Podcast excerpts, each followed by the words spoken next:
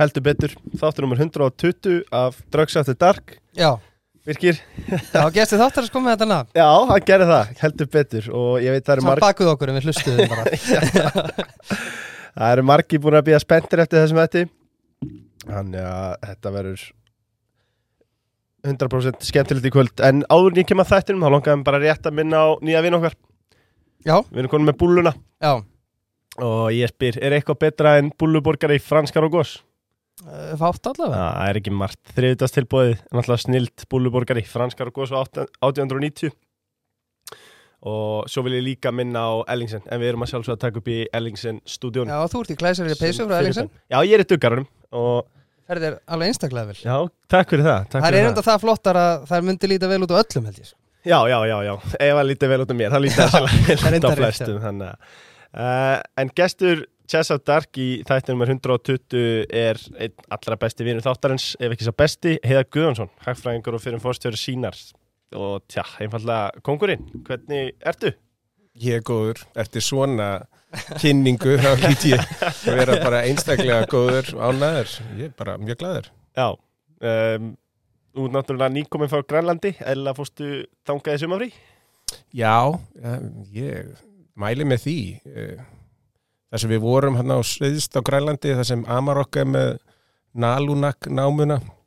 Þar ertu komin á sumu breytagráðu og Oslo þannig að það er 20 gráðu hitti og, og logg aðeins öðruvísi veður heldur en við erum að fá hérna á gullleginni þannig að en, en það er bara stórbrotið að ferðast þarna um og hægt að veiða þarna auðvitað alls konar dýr og, og auðvelt að veiða sjóbleikju og allt reynd og fínt og, og stórbrotið náttúra. Svo komst ég í fyrsta skipti í beigðir forfeður okkar hérna í Brattahlíð sem er í Eiríks uh, fyrði þar sem Eiríkur Rauði beigði upp uh, sitt bú og Já, já. sonur hans Leifur tók við á honum og bjóð hérna fram að döða dag.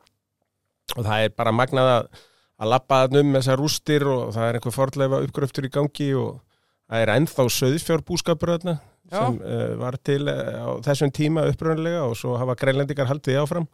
Ég held að það lambakjött kosti jafnvel enn meira heldur en íslenskt lambakjött það er ekki mjög hagkvæm uh, svona framleiðsla en, en það er gott þeim að vera að gera þetta. Og, og þetta er dýrt að fara til Grænlands dýrt að fljúa svona, maður getur reiknað með 100 ás kalli aðra leið. Já, ok. En, en, en svo að vera þarna og svakalega gestrisni og, og gaman að fara á milli það er, það er ekki dýrt sko. Þú veist aðeins að segja okkur þetta fyrir þátt að Það er eiginlega ekki þarna, það séu voruð. Já, það er bara, það búa 6.000 manns á svæði, Suðu Grænlandi, sem er fimm sinnum stærri en Ísland, Já, þannig að það er ekki margt fólk og stæsta eh, svona stjættbíli staðurinn er Kvakortok sem uh, einmitt Íslendingar, Guðmundur Kristjánsson fjárfesti þar í Arctic Prime sjáruðsfyrirtækinu, það er búað kannski 3300 manns á einu bletti. Og svo Nordaleg 11-1200 og svo Nassak og Nassasvak Nassak kannski kannski hátt í þúsund manns. Já, en svo, segja, ég er búin að telja upp í 5500 eða eitthvað. Og það er þá síðan bara 500 mann sem eru dreifir hérna. Mjög víða. Já, algjörlega. Já, þetta er, við þurfum að koma þarna einhvern veginn Birgir. Já, ég er að færa næstu viku um, Já, svona þarna er ég að koma úr þryggja vegna frí og það er bara í fyrsta skipti eins og ég sé úr sömu heimsál og þið tveir sko Já, ég, er, ég er langt hvítastu núna sko. Það klikkar aldrei heiðar sko. uh, Hvernig er heilsan? Eða? hún er bara fín, það hvað er verið ég er bara allur að koma til bara sprækur ég náðu nú eh, hérna á milli þáttana náðu ég að fara til Nepal í, í mars, fekk leifi lækna til þess að fara þangað í svona háfjalla skýðun Já, ég það var algjörlega stórbrotið skemmtlegt mæli með því að fara til Nepal. Þar því miður fyrir þá eru mánaðalögnin 10.000 krónur íslenskar á mánuði. Uh, kaffibóllin kostar kannski 20 krónur á veitingastað. Um, gisting með mat kostar 1000 til 2000 íslenska krónur. Já, þannig að Íslendingar ætti nú endilega að fara þangað og eða svolítið af peningum. Já, það væri gott fyrir Nepalana einmitt Og kannski saman sem Grænland, dýrt flug en ekki, ekki dýrt að vera þarna. Já, og það er ekkert svo dýrt að fljúa eins og í gegnum Dubai til uh, Nepal. Það er, það er ódýrar heldur en að fara til Grænlands. Já, já, já, já Heiðar er ekkert að fara til tenni, hann til Grænlands og Nepal. Nei, ég, ég líka, ég, ég stið þetta sko, ég var að hugsa, ég var að lítið verið áfangastæðan að fara í frí sko og maður, maður er dettu bara í huga að fara til Mallorca eða Tenni eða eitthvað svona Eitthvað svona leðilega En boring Þetta er náttúrulega geggja, geggjuð upplifun, Já. ekki spurning. Eina sem er sko, þú þarft að passa því mjög mikið, alls ekki á Grænlandi en í Nepal hvað þú borðar. Já, það er einmitt sagt sko, þú þarft að vera sérstaklega, sérstaklega hugrekkur til að leysa vind í Katmandú þú veist aldrei hvað kemur með. En svona eitt af Hvernig er fólkið hann í Grænland og Nepal? Er þetta ekki Topp. svakalega gestrisið og almennilegt alveg bara og í Nepal er allir bara í þessu namaste og, og bara vilja allt fyrir alla gera og, og glaðlind og skemmtilegt og grænlendikar eru líka glaðlindir skemmtilegir. já Og taka Íslandingu fagnandi Já, gera það. Já.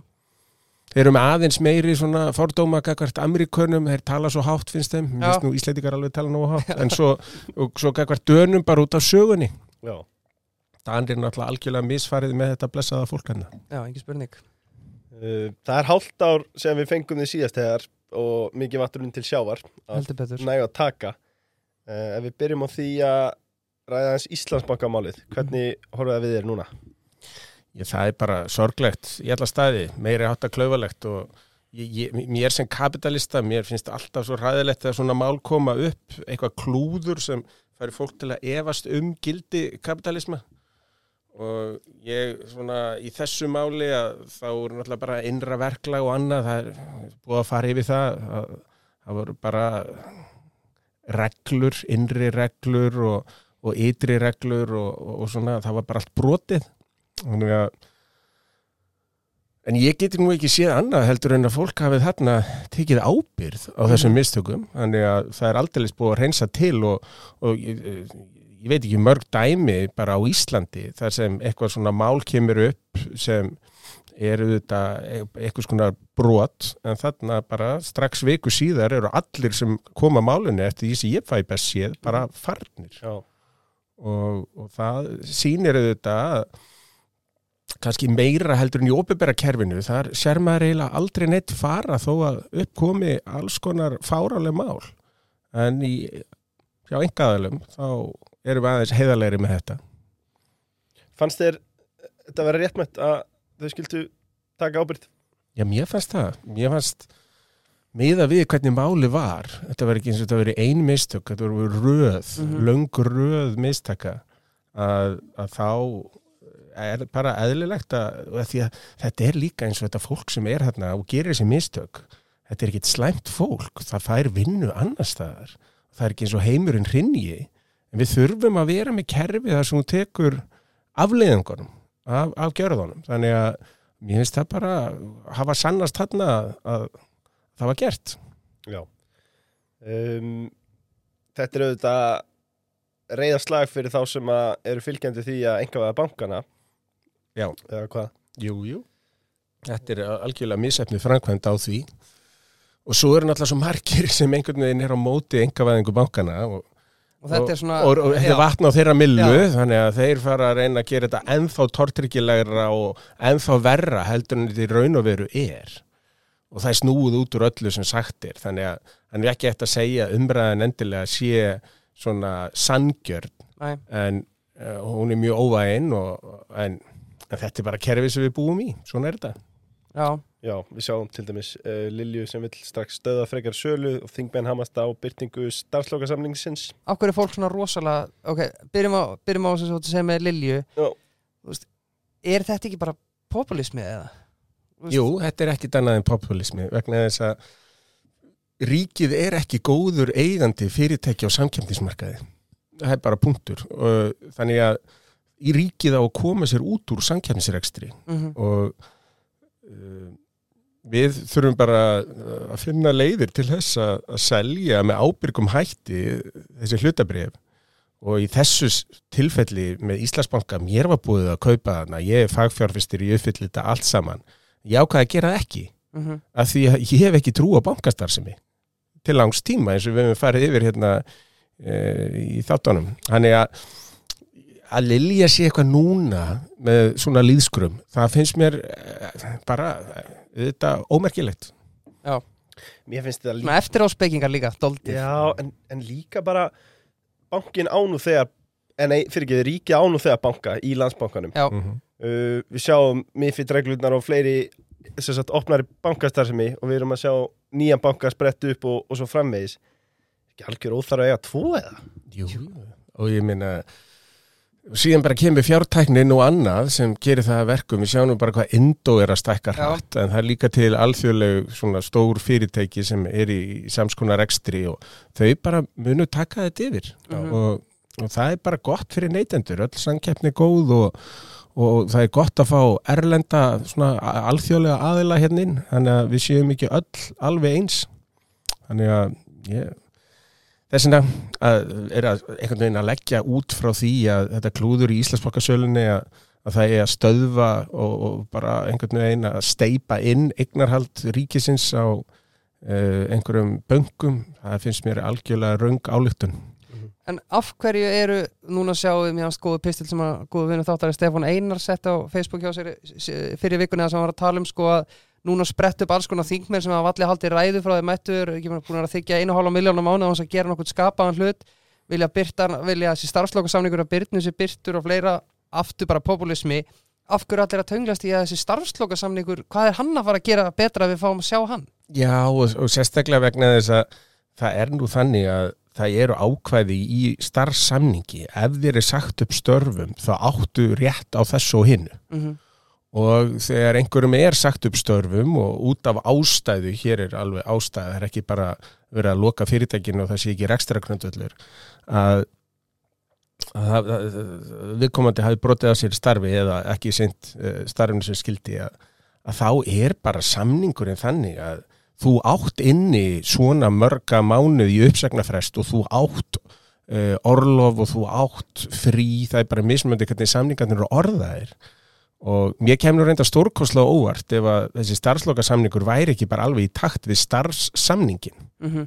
en þeir sem borga þetta eru fyrst og fremst hlutafa bankans. Já, þannig að auðvitað geta hlutafarnir bara farið fram á hlutafafund eins og búið er að gera og heimtað að fá að sjá þennan samning. Mm en svo vitum við að það er ekki langt í næsta uppgjör og þá samkvæmt uppgjörsreglum að það verður byrt í ágúst þá hvort er þarf að byrta þetta í ágúst. Já, Þannig að, að einhver sé að fara á lýmingunum yfir þessu að hann fá ekki samningin í júli heldur þau eru að býða fram í ágúst. já, Ég, ég sé ekki að það sé stórmál.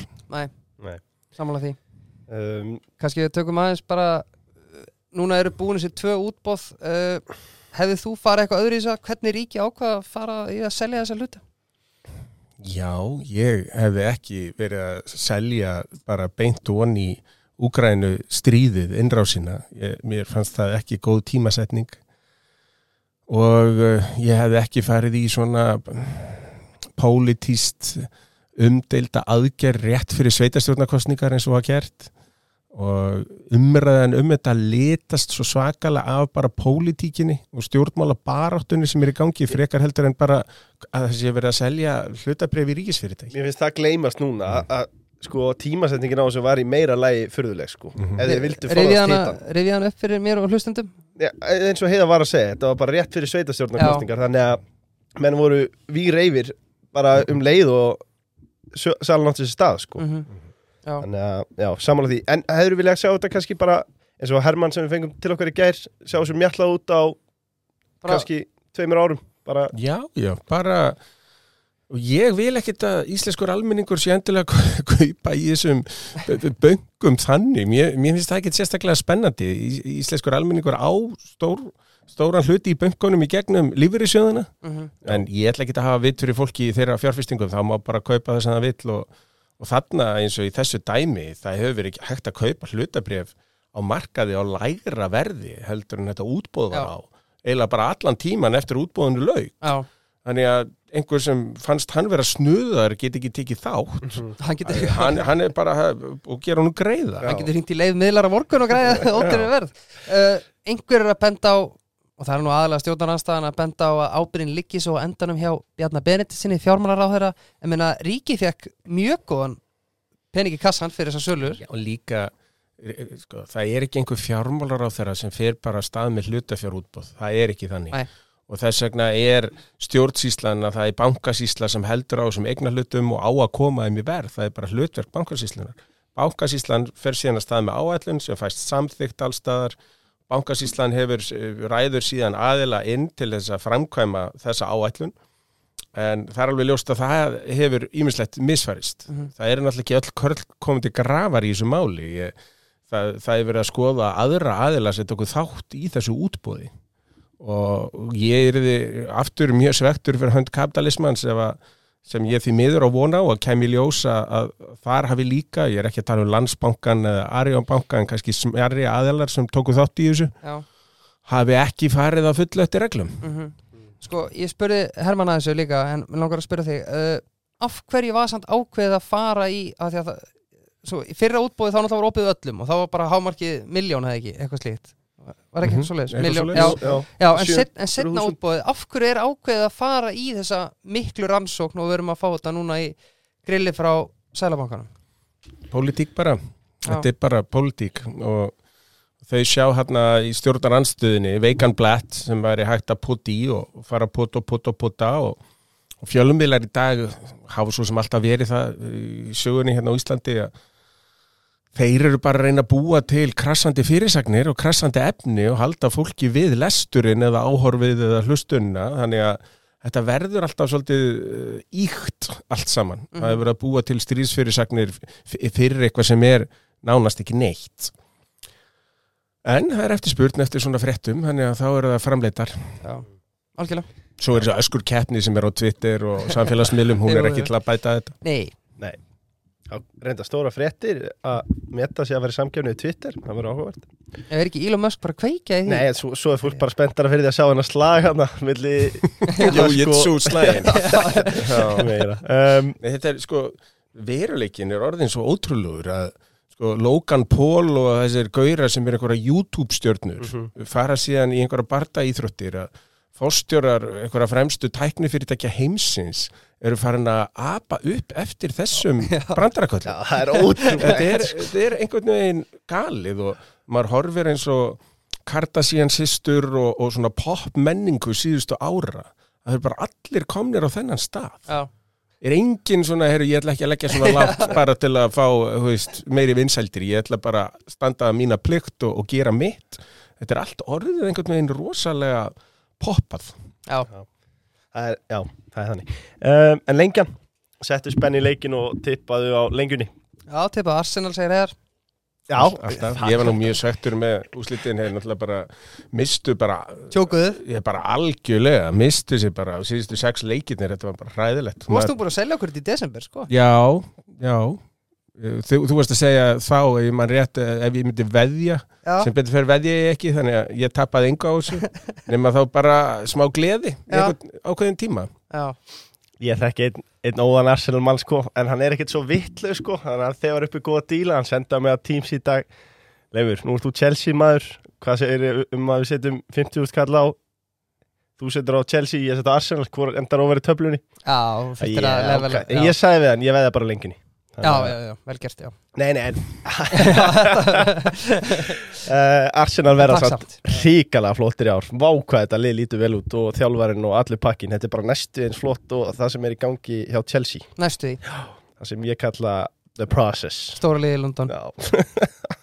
Það er ekkert í gangi, því miður. En uh, okkar menn hjá lenginu hjó eftir því að stjórnvöld sé að koma á fót innlendri smágreislilust Nú er það svo að þú hefur komst eða varst í broti fylkingar með fæsleirðingi á sín Mhm. uh, Verður þetta ekki rándýrt verkefni?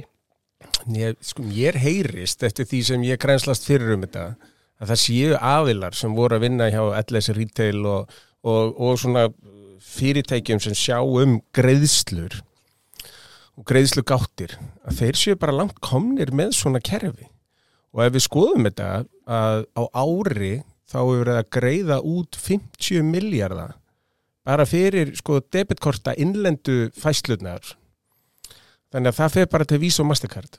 Mhm. 50 miljardar á ári. 10 miljardar áður að þeir bara mistu viti með hennar landsbítala þá átti hann að kosta 70 miljardar hann er allt fyrir konum í 210 það er ekki búið útskýra neitt hvers vegna en láta það líka, sko. á milli hluta. En 50 miljardar á ári sem bara frussast út af því að menn er að skiptast á krónum hérna innanlands Þetta er bara kortafæslur Já, Bara átján krónur eða eitthvað já, já og, og, og það eru, eru komnar tæknilusnir sem kannski myndi lækka hennan reikning að minnskost um 80% ef ekki 95% og, og það verður náttúrulega bæðu upp á þjóðaröryggi er klift hérna á sæstrengi. Rússarnir ákveða að sprengja einhverja sæstrengi og gögnum berast illa á milli. Að þá gætu við ekki haldið uppi bara greiðslumiðlun í krónum innan okkars lands vegna þess að þetta fer allt í dag gegnum Visa og Mastercard Mhm. en að það væri komin íslensk lausna á þetta að, þá myndi þessi tímabundni fjarskiptavandi ekki reyfa við krónumarkaðanum hér þannig að þetta veri bæði miklu örugara og miklu ódýrara þannig að ég á nú vona því að það gerist eitthvað. En það ríkið, það er ekki ein... Nei, nei, sko, en ríkið, þetta, sæðlabankin er allt um líkjandi í þessu vegna þess að þeir eiga að sjá um fjármála öryggi líka og sjá um fjármála eftirlit og þeir hafa verið að sjá ofsjónum yfir þessu vegna þess að síðast þegar kom gríðalegt efnaðas áfall hérna 2008 að þá var krónu greiðslumiðlunin, hún var innan landsins. Síðan eftir hún fara bankarnir að spara sér pening eða ímynda sér það og láta Visa og Mastercard hafa allt, allt krónu dótið líka Já. og þá ertu komin bara með þessa áhættu að, að greiðslu svona miðlun í krónum hér á einhverjum svona óvenjulugum tímum gæti bara lokast Já. þannig að það er jafn gott að breyta því og ég tala ekki um að vera að lækka kostnaðin líka greiðalega. Þannig að þetta er vel Já, já, þetta er fínt. um, Það eru komin ansi mörg fæsluringafyrirtæki á Íslandi. Já, þess vegna fór ég að pæla í hvort að en það- er það kannski út af örygginu svo heiðar að tala um Já, en fæslu hyrðingin er svolítið að breytast vegna þess að uh, það er þannig að gamla dag voru það bankarnir sem áttu þessu fyrirtæki og það uh, núna hins vegar að þá er bara komnar alþjóðlega lausnir sem hægt er að uh, í raun og veru komin á markaðin með miklu lægri tilkostnaði Mhm. og í Evrópu hefur verið rosalega samþjöppun hjá þessum fyrirtækjum. Uh, sín var að vinna með fyrirtæki sem er uppröðulega ítalst en á uh, og er skráð á marka mjög stort á stæstu greiðslumiðlanir líka Skandinavíu og Þískalands og Fraklands og svona. Og slíkt fyrirtæki það segir sér sjálft að þeir eru með gagna grunninn þannig er ég fyrst og fremst að horfa til alþjóðlegra fælsna, Mhm. Íslendingar að ferðast erlendis og útlendingar að ferðast á Íslandi að, að þarna er einhver sem er með öll gögnin, er með alla gagnagrunna, allt eftirlitskerfið og er kannski að þjónusta 100 miljónir viðskiptavina í Evrópu, auðvitað getur slíkur aðali bóði miklu lægra verð Já. heldur en fyrirtæki sem er bara þjónusta 100.000 manns á Íslandi Mhm. Þannig að þetta er svona þetta er að breytast mjög hratt greiðslukort hérna áður fyrir, það þurfti að geima pappirinn og það þurfti að taka þetta allt saman og nú er þetta allt orðið rafrænt uh, síðan kom sér pósar auðvitað sem Já. leistu pappirinn á holmi og nú er komin upp þannig að þú þart ekki lengur pósan þú getur bara verið með app í símanum kaupmaðurinn með app í símanum og, og það les bara af annarkort greiðslukorti eða, eða Google Pay eða Apple Pay Já. og þannig að allir þessi markaður er svona verða einfaldur og einfaldari og þá er ódýrar að komast inn á hann Já. og þess vegna er aðilum sem er að þjónust hann að fjölga sem þýðir líka að marginutnar á markaðanum er að lækka rosalega hratt. Já, Mhm. einmitt Við þú sjáum að kvika var að stopna svona fyrirtæki bara í lók síðast árs, er þetta ekki þá líka bara auka og fyrir þessa banka og Já, ef þeir eiga kerfin og þetta fellur bara beint inn í kerfin og eins og hjá Vodafone að, að fjör, ég, sko, ég var einhvern tímann að skoða hvað eru mörg fyrirtæki með fleiri en þrjá starfsmenn á Íslandi, við minnið að séu 18.000 og svo tók maður hversu margir eru svona eiga viðskipti við önnur fyrirtæki, hversu margir eru í smásölu. Og ég reknaðist til að Vodafone væri með um 40% af öllum kaupmönnum. Mm veitingastöðum, skemmtistöðum, fattabúðum, alls konar búðum í viðskiptum. Já. og við erum hvort þið er, vorum að, á þessum tíma hvort þið er að tengja pósana með uh, simkortum og, og með ljóslegara þannig að við gáttum alveg eins tekið bara yfir hlutverk pósana og svo Já. aftur eru pósarnir núna að verða bara risaðila og þarf ekki á þeim að halda. Og þá er það bara viðskipta sambandið uh, viðskipta sambandið við kaupmannin að þessi fyrirtæki eru kortir í viðskiptum hjá okkur. Uh, viljaðu ekki bara færa fæsluhyrðingarna til okkar líka? Já, og þá er þá hann að bakendi sem er bara stæsta fæsluhyrringafyrirtæki í Evrópu mhm, sem gerir þetta á mjög lágu verði já, vegna þess að þeir eru með svo mikla starðar hagkvæmni það var hugmyndin á bak við þetta. En, en þetta er áhætt sem hún segir, er, er gamli góði pósinn bara að deyja út, Já, það er bara app og, og það er bara verið að henda þessum uppum inn á markaði núna. Það kom í fyrsta skipti í Nóri í fyrra kom í Danmörku árið þar og undan og það er svona verið að, að færa þetta alltaf nær íslenska markaðinum Mhm. Uh, talandi um stærðar hagkvæmni mm, við sáum á dögunum að stjórn reyns ákvaða að leggja fram valfrjálst yfirtöku tilbóð í allt hluta fyrir eikar um, eh, þar með er, ef við byrjum bara á því er einhver möguleika að þessi kaupgangi upp eða? Já, ég Sankinn setti litið bannaði nú stóra majónis samrunan hérna. Já, já, þetta er aðeins stærra mál. Þannig að já, eins svona með, ég, ég auðvita á að leifa þessum aðilum bara saminast ef það er einhver hagur í því. En almennt út í heimi að þá blæs ekkert mjög byrlega í kringum eigendur skrifstofu og yðnaðar húsnæðis Eh, það eru þau félög sem hafa lækkað mikið alþjóðlega bæði út af COVID að fólk er að nota skrifstofur raun og veru minna heldur en var áður Mhm. og vinna án staðsetningar er alltaf að þeim er að fjölga slíku störfum. Var það samt ekki svolítið tilhörn sem gekk ekki upp eða? Já, það er samt þannig að eins og sérstaklega í svona stóru borgum að það eru bara miklu færri sem sækja vinnu daglega þar heldur en var fyrir COVID. En svo sjáum við þessi stórfyrirtæki sem eru næstu búin að leggja bara blátt banna á þetta aftur af því að þau Jú, jú, jú, jú og, og, en þetta er samt eins og í bandrækjunum og Breitlandi, þetta er svo miklu algengara og, heldur en hér á Íslandi að fólk sé ennþá að vinna heima frá sér eða vinna úr öðru sveitafélagi þess vegna þess að kom sér fyrir. Þannig að en síðan er bara vakstakostnaðar að hækka svo svakalega og aðgangur að lánsfjö er að minka Mhm. og það er náttúrulega uh, vitað að það er eiginlega engin grein uh, í viðskiptum sem notar jafn mikið lánsfjö og uh, fastegnir uh, og fastegna bransin þannig að viðvitað ef að það er fyrir séð að vextir haldist háir að þá versnar afkoma þessara fyrirtækja Mhm. en hérna á Íslandi hafa þessi fyrirtæki bara staðið af sér hennar storm til þess að gera vel mm -hmm. uh, heildar vísitalan á Íslandi er niður kannski frá áramótum 16% og með bandaríski markaðin er upp bylunu 20-30% eftir því hvert litið er fyrir Mhm. utan fastegnafélögin Já, er það ekki bara örf á fyrirtæki sem að leiða það eða? Já, það er nú samt alveg, þú veist, S&P 500 eru upp uh, 22-23%, það eru Já. 500 stærstu fyrirtækin, Mhm. auðvitað er stór hluti að hækkunni þar, það er eitthvað eins og Nvidia og Apple og eitthvað, en það, er, uh, en það eru samt þarna, miklu fleiri fyrirtæki sem hafa verið að hækka heldur en lækka. Já. mhm. Þannig að íslenski markaðin er dálítið skrítin, fastegna fyrirtækin út í heimi, þau hafa uh, súrnað aldrei mikið, það hefur ekki gert, gerst að neinu marki hjá okkur. Síðan eh, eru markaðinir almennt að braggast mjög mikið. Við getum líka að skoða bara MSCI vísitöluna. Mhm. en hjá okkur eru við niður. Já. þrátt fyrir að hér sé sko, miklu meiri hagvöxtur heldur en annar staðar miklu minna atvinnleysi miklu betri hagvöxtar horfur þannig að þetta er eitthvað sem er eitthvað mjög skrítið í þessu. Er þetta ekki bara hverju sjóstjóra að leika sér um markaðinu? Já, það, það er nú aðeins sporið á því að menn sé einhverjum sangkassaleik hérna að skemma hver fyrir öðrum eða hver fyrir öðrum í kringum einhverju uppgjörst tímabil og eitthvað Mhm.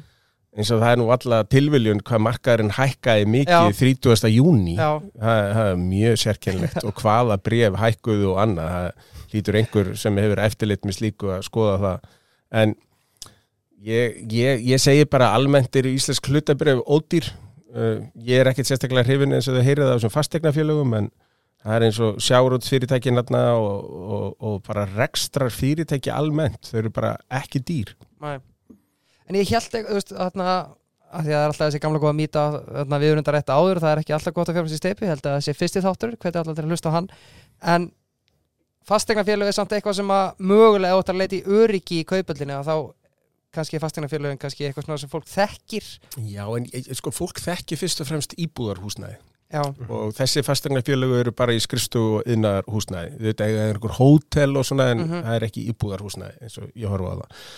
En, en það eru þetta stóri leyendur sem eru mjög tröstir eins og sveitafélögu og ríki og þeir sem eru stæstirinn á þeim marka eru reytir en síðan eiga þeir líka eins og já, og, og, og Kringland og Smáralind og þetta. Og hvað er að verða um slíka rekstrar einingar og það er eins og maður skoða þróunna í bandaríkjónum að það var einmitt sagt að verslunarmiðstöð sem opnaði í New Jersey núna það er vantilega síðasta hefðbundna verslunarmiðstöðin sem myndi nokkuð tímann opna í Já. bandaríkjónum en hún var alls ekki veist, það var líka srækt og auðvitað bíó en, svo, svo mikið af afþreyingu mm umfram vestlanir þannig að það er svona eitthvað að vera að prófa sig áfram með þetta en að minnskvæmst í, í vöggu vestlunarmiðstöða bandaríkjanum að þá eru menn mjög svart sínir á framaldið þar Já.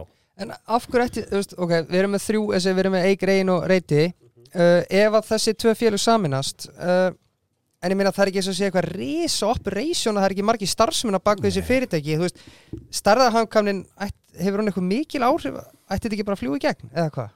Ég, ég, ég myndi þetta vilja þetta er bara samþygt Uh, það ætti að nást betri sem sagt, kjör í uh, fjármögnun. Mm það er hugsalega hægt ef þetta er orðið aðeins stærra félag að sækja fjármögnun beint út Já, eða sækja fjármögnun eins og þeir hafa svo sem verið að gera beint í lífyrirsjóðu og eitthvað sleppa böngunum sem millilið. Mm ef að ég, ég er ekki sérfróður um hennan, hennan bransa en, en ég, ég get helst ímynda mér að það sé eitthvað svona uh, einhver starðar hagkvæmni sem kemur með þessu Já. en það er ekki skrifstofahaldið. Næ, Gaggrinnisrættina verður þá vendalega að veri einhver samráðsætta eða... já, kannski. En ég, Ekki vitum við það? nei, ekki við það. Það er nokkuð ljóst. Um, En What the Clouds? Sko, ég er orðin risastóra aðdæðand á What the Clouds. Já, við þurfum nú að græja á heiðar sko. Já, því meira sem, já, já. Heiðar, við þurfum að skella, sko Ertu, notar þú gilið það? Já, Já, við þurfum að senda á hann Lucky Number 7 Þetta er rosalegt Já. staf, sko Sænskar hárur fyrir Já. alla um, Þeir vilja mitt aðeins ræða fastegnamarkaðin Og þá kannski frekar ekki skrifstúhúsnæði Það sem við búum í Já, Mm. mm. það er náttúrulega þröng stað þar og já, Já, væga sagt já, já, vægast það maður þetta er náttúrulega ævintýralegt ástand að það bara fjölgar og fjölgar og fjölgar fólki á Íslandi. Sem betur fyrir að mest vinnandi hendur sem eru að koma hérna en svo eru líka hælisleitendur og aðrir sem, sem þarf að koma fyrir. En, en þetta einhvern veginn eh, bara býtur í skottið á sér vegna þess að til þess að byggja meira þá þurfum að flytja inn ennþá meira fólki. Mm -hmm. og þannig að það þarf að hugsa þetta svolítið fram í tíman þetta verður ekki leist á þremur árum eða fimm árum, þetta verður leist yfir einhverja ára tugi og þá náttúrulega líka sökin fyrst og fremst hjá sveitafélögum sem hafa verið bara, og það er náttúrulega fyrir langfremst í flokki Reykjavíkuborg sem Já. hefur ekki bara verið að koma út nógu miklu magni lóða sem er óskiljanlegt. Mér langaði einmitt að spyrja þig hér að því að Vignir talaði nú um það í einhverju viðtali held ég að dögunum að, að sko það væri ofta að lóðaverð væri bara 300-400 krónur. Í svona ástandi eh, burt sér frá því hversu mikið það kostar eigum við að vera eiga sveitafélögin að vera að rukka fyrir lóðir eða? Ég sáði nú eina lóð sem fór hérna við hliðin á valskverfinu á 750 miljónir og þetta voru 70 íbúðir. Þetta er bara 11 miljónir og íbúð bara kostnæri við lóðina. Og það er nóg landsvæði á Íslandi. Íslandi er þriðja strjálbílasta land í heim mm þannig að það er endalist til hér að landi. En hversin er ekki hægt að að koma því í notkun, það er bara óskiljanlegt og þarna er ímislegt svona skamsýni í, í sveitarstjórnum og, og einhver þröngsýni í skipulagsmálum og í staði þess að sinna íbúum. Við kallum hana þjætt síni Já, já. Já, í staði þess að sinna skildun sínum við íbúa þá eru borgaríðuvöldi Reykjavík bara að reyna að handstýra kerfinu eins og þeim er þóknulegt hvort það hendar íbúanum eða ekki. Þetta er mjög skrítið Mér varst líka gott sem að Heiðar um að hérna hjá okkur síðast var að af hverju ekki bara leiðvilt að byggja, við erum með hótel einstu fimmstjörni hótel, hverju er ekki leitt að byggja fimmstjörni íbúður og einstjörni íbúður sko. Já, þú sér það að það er íbúðunar á reiknumenda fyrir aftan okkur hérna á smárlundinni flottar íbúður alltaf sko en þú heyrir mannin í íbúðunum hliðinar anda sko þú veist og þetta er á okkur um sama fermetunum skilur það er endalust að landa í þetta sko. Og svo eins og við höfum tönglast á að, að þú sér öll þessi íbúðar, nei fyrir ekki verslunarhúsnæði á næstu hæði standa auð. Já, ertu Davíð sagði alltaf frá því. Einmitt og svo ertu með eins og heiða bent á, á fleiri alls konar kvaðir uh, sem að bara Hefur þið tekið eftir því, það er endalust að skrifstofhús nei, nei verslunarhúsnæði til leigu, Já, það, já. er, það er ekkert frátekið sko. Akkurat okkur að leifa markanum að ráða þessu þegar við getum bara stýrt þessu? Já, líka, nei, já, einmitt annað líka í valskverinu sko, það er bara, átti ekki að vera eitthvað fullt af verslunum hér? Já, áttu, bakari og þjónusta og fatarhinsun og ég held að sé ein Euroshopper búð þarna. Engin bílastæði. Nei, og, og svo áttu allir að lappa á milli en með að við hvernig veðrið er hérna það, það er bara ekki fólki bjóðandi sko. Nei, en, en sko að það, það var maður reynda sem redda við mig uh, sem sagt, að við séum að sem sagt, að við séum ekki bara að bjóða út lóðir mm því þetta er náttúrulega bara beitt skattur er ekki hægt að finna þennan skattpenning annars þar það er eins og þú segir, við erum í því ástandi að lánsfíi er rándýrt mm og húsnæðisverð helst himinhátt.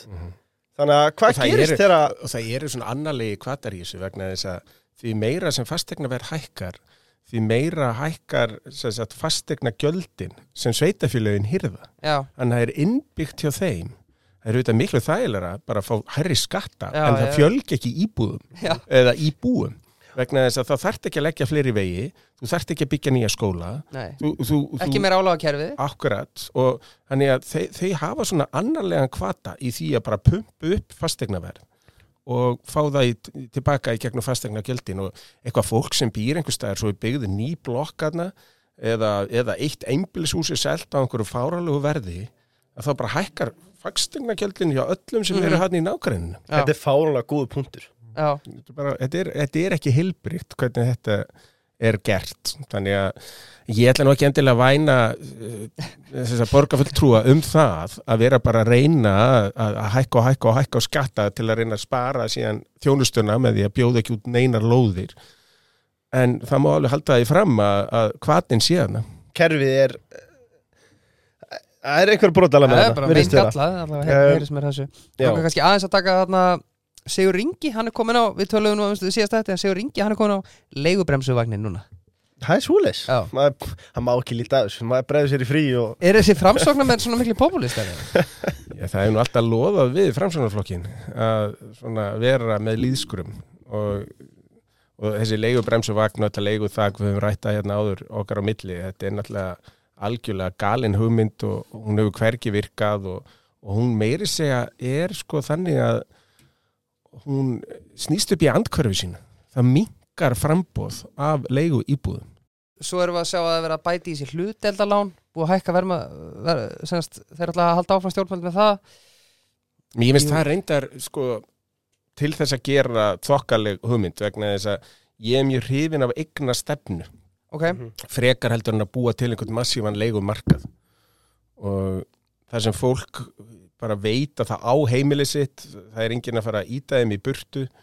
Uh, við getum tekið dæmi fólk í dag sem er að leia á leigumarkaði, kannski að borga 300.000 fyrir á mánuði en þurfa að vera með þryggja mánuða sem sagt leigugreiðslur í tryggingu. Mm þannig að er einhver staðar flestir er hérna einhver staðar milli 1 og 2 miljónir sem er með í handbært fjö -hmm. En það er, það er hægt í gegnum þessi hlutildarlán að fá 95% uh, þá lánað. já, Þú fær 75% frá bankanum og svo 20% viðbót frá ríkinu og þarf bara að koma með 5%. Og það með að við 40 miljonar íbúð, sem er ekki endilega hér í Reykjavík, en hún er kannski uh, í Ölfusi eða uh, Reykjanesi eða einhver staðar, að þá er þetta bara útborgun upp á 2 miljónir. mm Og þá getur fólk eignast eitthvað og þá líka lækkar sagt, afborgunin af íbúðinni mjög mikið vegna þess að fólk sem er að borga í dag 300.000 væri þarna að borga af einhverjum 30 eitthvað miljónum af skuldum að vera að borga svona 180.000 já, uh, þannig að þetta miskosti hjálpar fólki inn á markaðin mm Já, ég tekum til þetta það að skapa kvata til eignamyndunar á Íslandi er eitthvað sem ég held að við þyrftum að Mhm. huga að sko, frekar en til dæmis aðgera eins og leiðbremsu Já. Um, En um, Sko Ég verði eiginlega komin á pelturinn Ég ætla að, ég, ég ætla að taka smá pásu hérna Birgir, ef við ekki að taka þetta með yngu eða? Já, ok, kannski Það var grjótart það er sko sjá. þú hvað sem er byrjaðar að Já, tala ég, veist, ég, ég hripaði niður Ég sá líka að skrifaði mínútuna Já. niður um, maður sjá Sko, En hafið þið lent í því að einhver sem brjálaður yfir einhverju sem er sagt í þessum þætti og, einu sinni Já, er það? En það Já. var meira upp úr klippu Þú Já, segir já. þá sögu kannski Já, Kári Stef, þannig að Já, Rasmodóis Já, já. það var en, en svo er það oft, miklu oft að þannig að þú veist að það ringdi okkur bara að eru taka þetta, þetta, þetta út sko. Þú veist, og þannig að það er, þú veist, og þá höfum við alveg oft þurft að gera það sko. þá bara þurfum við að þarna, taka út sko. ok Sem er líka minnstamáli, við viljum Já, hafa já. það þannig Já, já. en þetta skipti var bara ég sem Já, Já, já, já, ok. uh, ok, varum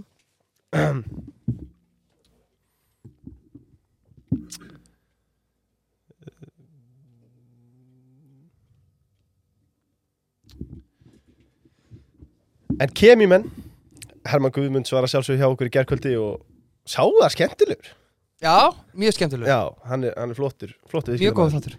Uh, Og hann er að sjálfsögðu fórstjóri í kemi og þeir selja þrýræm peltar heitnarhlifannar gera það, sem við erum allir með þetta. Margir spurt mig, hvar fá þessar þrýræm peltar heitnarhlifar sem er alltaf með í þátturum Kimi. á kemi.is um, og tungalsi 10 að sjálfsög uh, en við rættum aðeins verðbólguna við Hermann og viljum endilega ræðana við þig enn frekar.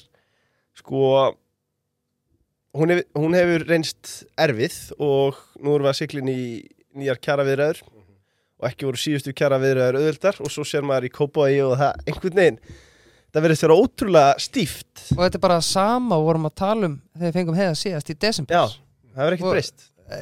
er ástandið eitthvað búið að skána eða? Nei, ekki neitt. Og svo er fólk svona, svona sem vil muna þennan tíma þegar verðbólka var ekkert sérstaklega mikið vandamál á Íslandi svona eftir 1994 að ég man einhver hluta vegna þá tíma sem voru fyrir það líka að þegar maður fær svona högg í kerfið eins og er núna og maður fær svona vantrú eins og er núna uh, og alls konar furðu hugmyndir um hvernig ég að lækka verðbólku þá verður hún bara óstjórn uh, þá verður hún algjörlega óstjórnleg Mhm. og, og, og, og Sælabankin missir uh, trúurleika og missir tröstið á peningunum og þegar tröstið byrjar að fara þá er, það, þá er mjög lengi að koma aftur tilbaka og Íslendingar leiðrættuðu þetta með að gefa út aðrar myndir. Gaf út verðtriða krónus og treystingin hefðbunni krónni gaf út uh, síðan nýkrónuna 81 og 2-0 aftan af en það var komin 80% verðbólka ári setna og menn gert alveg ótrúlega mistök. En grunnur verðbólku er aldrei kjærasamningar grunnur verðbólka og, og sko er alltaf lausatök ríkisins í fjármálum hann má alltaf skrifa þetta á ríkistjórn og sælabanka, alla verðbólku Mhm. þetta er ekki fyrirtækjum að kenna, þetta er ekki einstaklingum að kenna þetta er ekki verkalýsreifingun að kenna, þetta er ekki samtökum atvinnlýsins að kenna, þetta er alltaf ríkinu að kenna. Vegna þess að það er prent á mikið af peningum. Mhm. og þegar maður skoða núna að peningamagn í umferð auðvitað í COVID-inu var ákveðið að losa mikið um tökin. Já. og það var bara peningamagn í umferð aukið um 40-50% og það er ekkit skrítið að að verðlag hækki síðan um 40-50% bara árin og eftir.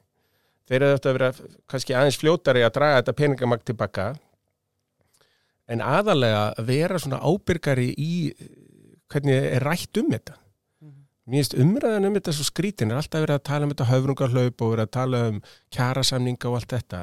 Það er bara vitað að alltaf eru upptök verðbólgu að finna hjá ríkisöldinu og þarna verður bara að skamma fjármálaráþara, fórsættisráþara það verður að skamma sæðlabankan að því að þeir eiga að söka því hver við erum.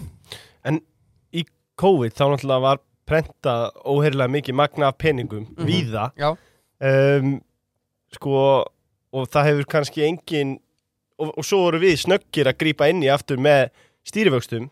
En Eh, við drófum ekki margir. mikið peningamagnir umferð sko, við hækkuðum vexti en peningamagni var hann þá Já, þannig að í hagfræði þá, í svona peningahagfræði þá getur bæði stýrt verði og magni eru bæði að minka magnið og hækka verðið Já, bæði hækka vexti og draga tilbaka peningamagnur umferð. Það Hvern- hefur verið mjög einfalt fyrir þá. Hvernig gerir Sælabankin það fyrir þá? Ég sælabankin getur náttúrulega með alls konar aðferðum, sérstaklega hérna á Íslandi þar sem að stýri líka fjármáleftilitinu, að hann bara neyðir raun og veru bankakerfi til að minka. Mhm.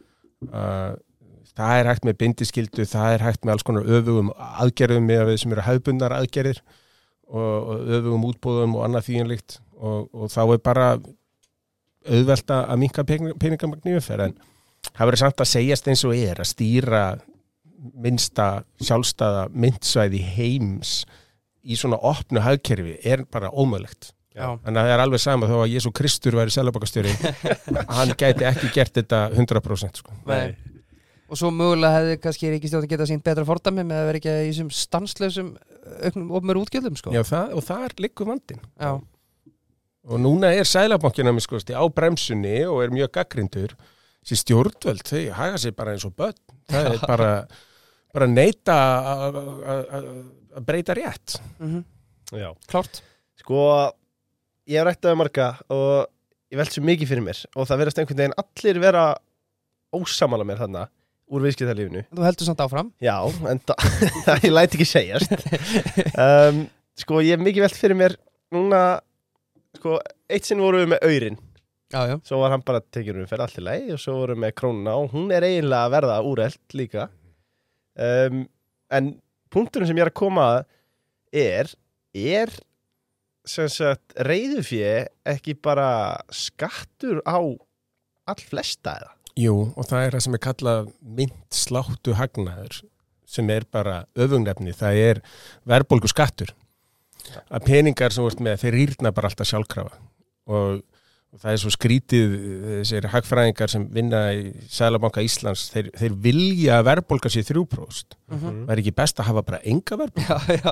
það það að þeir vilja fjármagna sig í gegnum hennan verðbólgu skatt og ef maður skoðar peningamagn í umferð sem hefur aukist mjög mikið og meira segja reyðu fyrir eins og ég algjörlega hættur að nota sæðla Mm að sko hérna eftir hrun þá voru peningar og mynd í umferð það var kannski 30 miljardar nú er þetta komið upp undir 100 miljardar já. og eh, ég hefði frekar haldið að þetta myndi standa í stað ok, verðbólga ekst en svo er bara notkun sæðla alltaf að minka og minka og minka Mm og þessir 100 miljardar þeir rýrna bara á hverjum degi. Uh, síðan eru sagt, peningar í umferð líka innan bankakerfisins að ef maður tekur það saman að uh, verðbólgan í dag er 10% og innlánsvextir hjá Sælabankanum talsvert langt fyrir neðan það Mhm. að þá hérna, er þeir að hyrða þar líka skatt, verðbólgu skatt Mm Þannig að Sæðlabankin kostar fullt af peningum. Svo eru þeir með gjalderisforða sem er þúsund miljardar og það er vakstamunur neikvæður. Þeir skulda sérst krónur Sæðlabankin og kaupa síðan eurur og dollara og pund. Og þar eru meðalvextinni kannski 4% stí, en stýrivextir eða kostnaður Sæðlabankans er 8,75. Mhm. Já. Þannig að 5% á, á þúsund miljardar, það eru 50 miljardar á ári. Mm. Já, Vist, þetta er engir litli peningar sko. nei, nei. Og þetta er allt kostnaður sem er einhvern veginn dulinn og fólk tekur ekki eftir. Já. Svo er náttúrulega Fyrir utan laumufarþæðar sem bara notaði sæluna sko. Já, ég ætla að segja að svo er hinn kvatin sem þú hefur, sko, að þess að skjóta þetta skatti. Já, já. Ég, ég skilja þetta sjónum með líka að maður vilja haldi í eitthvað frelsi hérna og Mhm. það sé ekki hægt að rekja allt sem maður gerir. Mm -hmm. Uh, Ég er ekki, en ég, ég, skil þekki, það ekki en heldur ég sko. þekki engan sem notar peninga dagstæla. Hvað kostar þetta? 356 krónur, byrju, ég með, tellið þetta Býða þessi En já, þetta er, Svo sem betur fer út um allan heim, þá bara í COVID og öðru, þá vöndu, vandi fólk sig á það að nota bara rafrænar greiðslur. já, Miklu þælar heldur en að vera með þess að seðla. En var ekki, tæknin er líka til staðar, sko. Já. var ekki bara Bensi Jó undan sinni samtíðan 2016 þegar hann vildi bara banna tíðuskallin og hætta með þess að sæla Það vist mér. Jú, hann vildi það. Og, en. Rökin sem hann kom með þá voru var fyrst og fremst þetta skattadæmi og eitthvað Já. slíkt sko. En eh, eins og ég bjó í Bretlandi, þar borgar engi með greiðslukorti á veitingastað eða á pub eða skemmtistað. Það fara Nei. allir í hraðbanka og taka út. Já, Svo þess að geta rekja neysluna. Já, Já. Og þá getur þú bara verið með fyrirframgreitt eitthvað debitkort, sko, eitthvað svo þú leggur inn á já, og borga þannig og þá er það bara handhafakort, það er ekki rekjalegt Já, nákvæmlega. Ég veit ekki hvort ég megi segja þetta eða henda það bara í bitcoin. Þú tókst út eitthvað miklu minna sem ég sagði það uh, um, Já, Húki okkur nýkomin úr frí Já, smá púki okkur, það verður að segjast. Um, En hega, hver er þín skoðun á kvalviðstoppinu? Ég er á móti því þegar einhverjir ráþærar eða bara ofinbæra embætsmenn fara ekki eftir lögum og reglum. Ef það er ekki heimil til þess að stöðu þess að veiðar þá er ekki hægt að stöðva þér. Nei. Hvað var þar síðan að skjóta kvali? Það má alveg bara skoða það. Ég, ég þykir ekkit sérstaklega vænt um kvali og borða oft kvalkjött en, en, en, en ég sé líka ekki, eh, fyrst að er ekki afgangur á á vinslunni og veiðunum uh, fyrst það er ekki hagnaður á þessu hvers vegna einhver ætti að standa í þessu þannig að mér finnst bara fáralegt að, að þarna er einhver svona pólitískur leikur og, og það er bara viljandi verið að brjóta stjórnsýsluna sem á að passa upp á að svona ákvarðinir séu alltaf teknar í samræmi við lög og reglur en ekki bara af gethóta Já, hjá einu ráður Þetta var Já. bara pólitíst útspill Já, Það var ekkert annað. bara gethóti Já. Já. En hvernig mun þetta enda? Þú veist, er, þú veist haldið þetta hafi verið löglegt? Ég held að það hafi verið bara eins og Hermann hafi verið að við segja. sjáum náttúrulega núna bara með vinslustöðina Já, sem fór í mál við ríkið vegna þess að þeir stóðu ólöglega að kvóta útlutin í kolmuna frekar en makríl fyrir tíu árum síðan. Og þetta er búið að velkjast um í kerfinu. Og vinslustöðin var eina fyrirtækið sem hjælt áfram með málið. Hótanir og hins ofinberra að gera það að verkum að hinir fjallu frá sínum málum. En núna var ríkið dæmt til að greiða vinslustöðinni 2 miljardar Mhm. Og það opnar á það að þeir séu líka uh, bótaskildir gagvart hinum útgerðunum. Þannig að þetta getur verið 20-30 miljardar þetta er ekkert grín. Nei. hvað var það síðan kvalveðarnar það er þá kvals, eða Kristjáns Loftssonar að sína fram á tjóni þar. Já, en hann á sjálfsögða að fá það bætt og, og svo á að vera eitthvað álag á það Já. en er ekki brekka að sína eitthvað tjón þegar ásendingan er allir í mínus eða? Jú, það er nefnilega málið Bara voru ekki bara að spara þið pening Svandís var að hugsa um hann Nei, já, ok. já. Um, já, Óli Björn Kárasson ekki sáttur í dag eh, segir Hann var að brjálaður. Svandísar öðrun og aðföra ríkistjórnindi Já. sem að ég er nú alveg ósamalum í en Nei, en ég, veist, ok, við tökum það aðeins við förum aðeins meira inn í politíkanu eftir en þú veist, sjálfstæðarflokkurinn hlýtur að vera brjálaður þegar þetta kom upp, spurning sko. uh, Svo erum við náttúrulega með eina já eða nei spurningu Heiðar, eiga Íslendingar að vera að veiða kvali? Er nöðsynlegt að skjóta á? Já, Ég ætla að segja já, fyrst að þá er ég ósamála Svandísi Já Gott, gott um, Frumeri, hann hérna hann orri, senda mig skeiti í dag og spurði er heiðar ekki öruglega ekki með sjö í endastaf í bílinn sinum? Af því ég hef ekki síðan þá er það örgulega bara 7, þú veist, 2027 eða Já, eitthvað, sko. já, Nei, nei, það er, það er null Eh, Ég er að fara með einmitt til þeirra í skoðun núna. Jeppa sem já Já, það var laglegt. Í oktober þá. Já, þeir, þeir taka alltaf vel á móti ykkur. Það er býðast, þeir telja niður dagana, sögðu mér sko. Já, endilega. Ég er sérstaklega hrifin af Dalvegin hjá frumera. Já, í samanlegi uh, En ef við höldum áfram í pólitíkinni mm, og ræðum aðeins ríkistjórnarsamstarfið Já, nú er ég spenntur. Uh, Já, fylgi ríkistjórnarinnar komið niður í 35% og hefur aldrei verið lægra. Allir stjórnarflokkarnir að tapa fylgi. Uh, og ef við skoðum þetta kalt þá hafa samtals 14 þingmenn mist sæti sitt yfir til stjórnarastöðuflokkana Er þetta kannski bara ótækt að þetta haldi áfram svona? Ég mér finnst þessi ríkistjórn algjörlega ömuleg og ég mér finnst mjög óheppilegt að hennar líf væri, væri framlengt sko. Þetta er svona ríkistjórn sem gerir ekki neitt nema er að kýta innbyrðis. Þú veist, einhver svona nöðsynleg langtíma mál sem þarf að fara að skoða hérna það gerist ekkert í þeim á vakt þessarar ríkistjórnar ef hún á að sitja í átta ár þá erum við átta töpuð ár þar sem ekkert var gert. Mér finnst þá skárra að fá einn reynar vinsturstjórn sem gerir bara tómavittlisu Hún Og- gerir eitthvað allavega. Já, og þá, þá, þá reyfist eitthvað pindullin vegna þess að þá næst sér fólk vonandi, kjósendur, heyru, þetta er nú ekki góð hugmynd, við þurfum einhverja ábyrgari sem hugsa til lengri tíma og er ekki að leika sér einhverju líðskrumi. Og það er nú bara skortur, satt best að segja og slíku stjórnmála fólki þetta er rosalega mikil svona dægurmál sem við verið að tala um og, verið að reyna að slá einhverja pólitískar keilur frekar heldur en að reyna að ebla hag þjóðarinnar til langs tíma.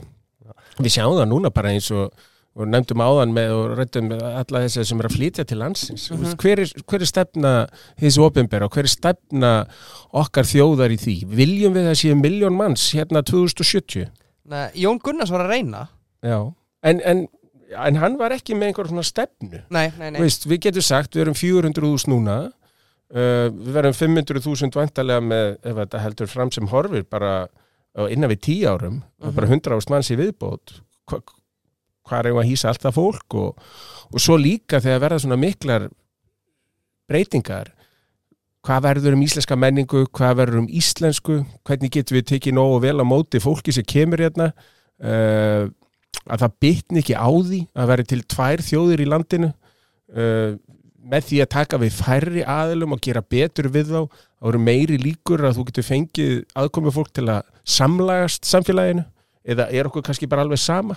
Það var hérna í krigum 2000 og þá var einhver umræðan það hvort að ætti ekki bara að leggja niður íslensku? Það er svo mikill viðskiptakostnaður að vera um íslensku þetta er bara að tala ensku og þetta fannst mér alveg ótrúlegt að, að hérna, Var þetta í alvörunni? Já, já, og viðskiptaráð með þess að komi veslunaráð þá með skýslu um þetta.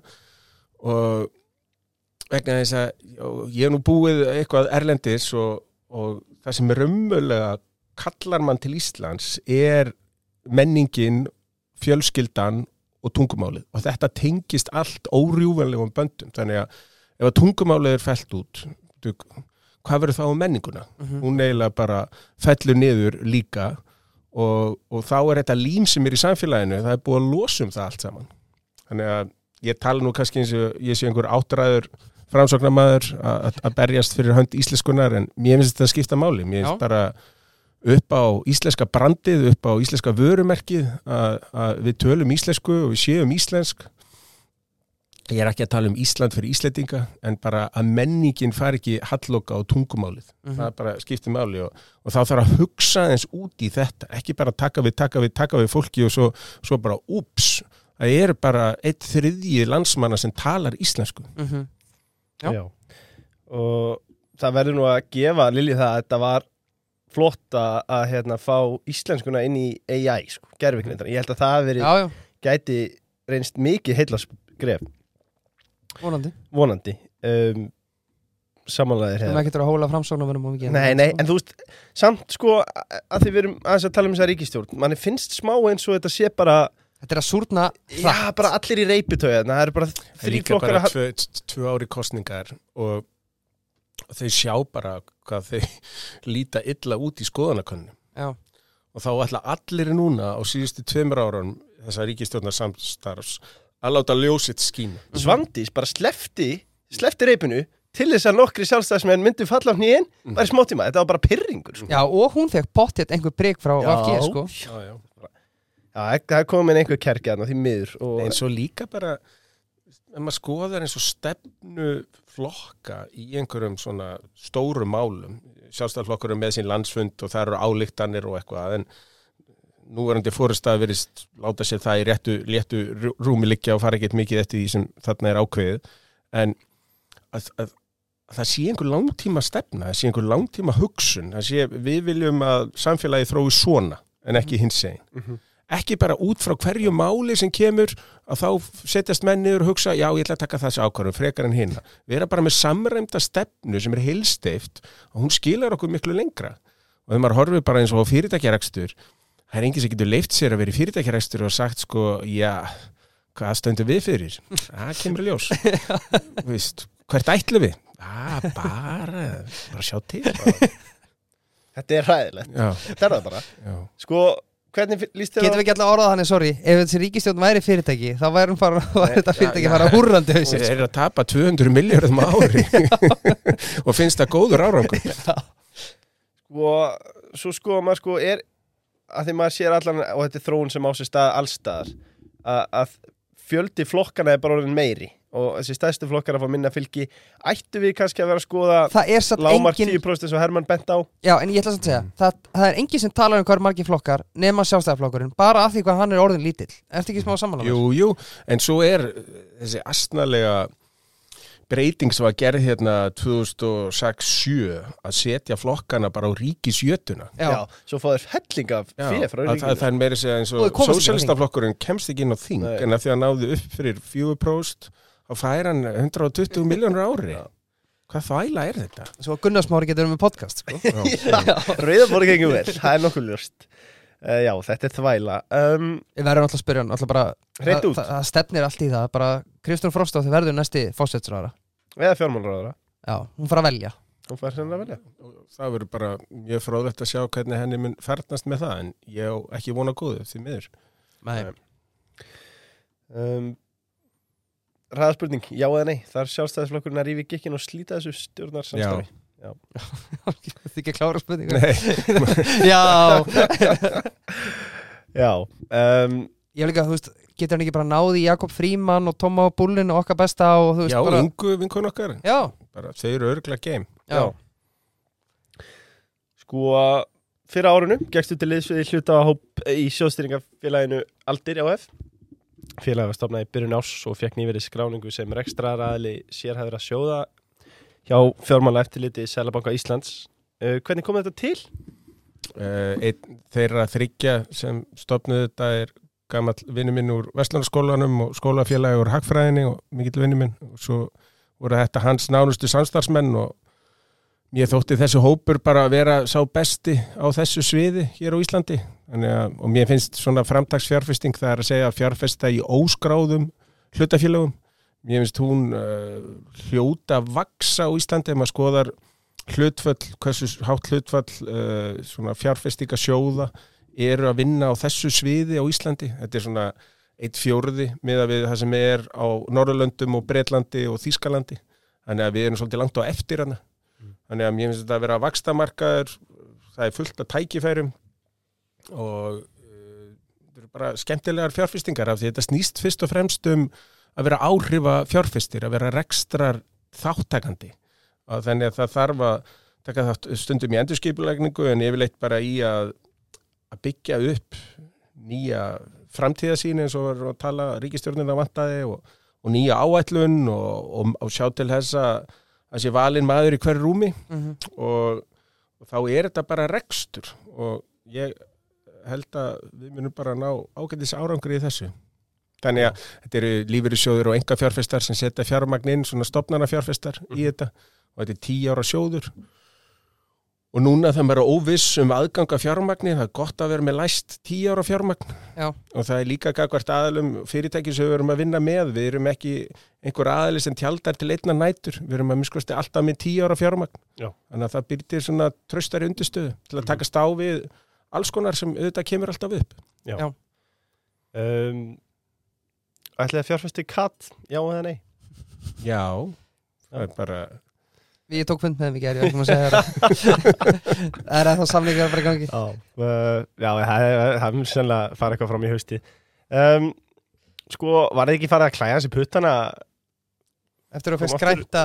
Já, nei, ég bara Hva, Hversu mikil vinna er svona komin nei, í ég er svona bara í stjórn. Já, þannig að ég er ekki í dagleguna starfið þarna og ekki með daglega viðveru en, en það sem hægt er að nota mig að koma inn í stjórnir fyrirtækja og, og, og, og taka þátt í svona ákvörunum þá það, það verður svona mitt hlutverk. Mhm, ég er bara mjög spenntið fyrir því. Já. Mm -hmm. Þeir eru ekkert byrjað að leiðast á daginn eða nokkuð?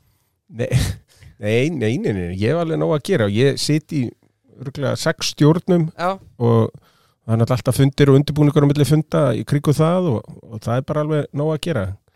En mér er svona rekstur mér finnst þetta miklu áhugaverðara heldur en að vera í þessum kasinokapitalisma að vera að spá í það mun Marel eða Alvotek eða, já, eða Arjónbanki hækka eða lækka í þessari viku? Mhm. ég nenni ekki að vera eða orku í það. Ég, ég er svona að taka þátt í rekstri til lengri tíma vinna ná, nánar með einhverju góðu fólki það er eitthvað sem er gefandi. Algjörlega. Ekki spurning. Um, komið að rittara spurningunum Já, og Payday rýður á vaði já, Akkur ættu fælar að nota Payday? Jú, það er hagkvæmt. Ég har að spyrja þig. Já, já, Það er að spyrja þig. Það er hagkvæmt. Það er hagkvæmt, en svo er líka það sem ég finnst svo cool við Payday er að þetta er ekki vefsíða sem að lukkar eins og hún hafi verið búin til árið 2000 sko. Nei, nei, nei, nei. Þetta allt viðmót er mjög notenda vænt það er framtíða sín Já, og, og bara setur þetta upp uh, skilmerkilega.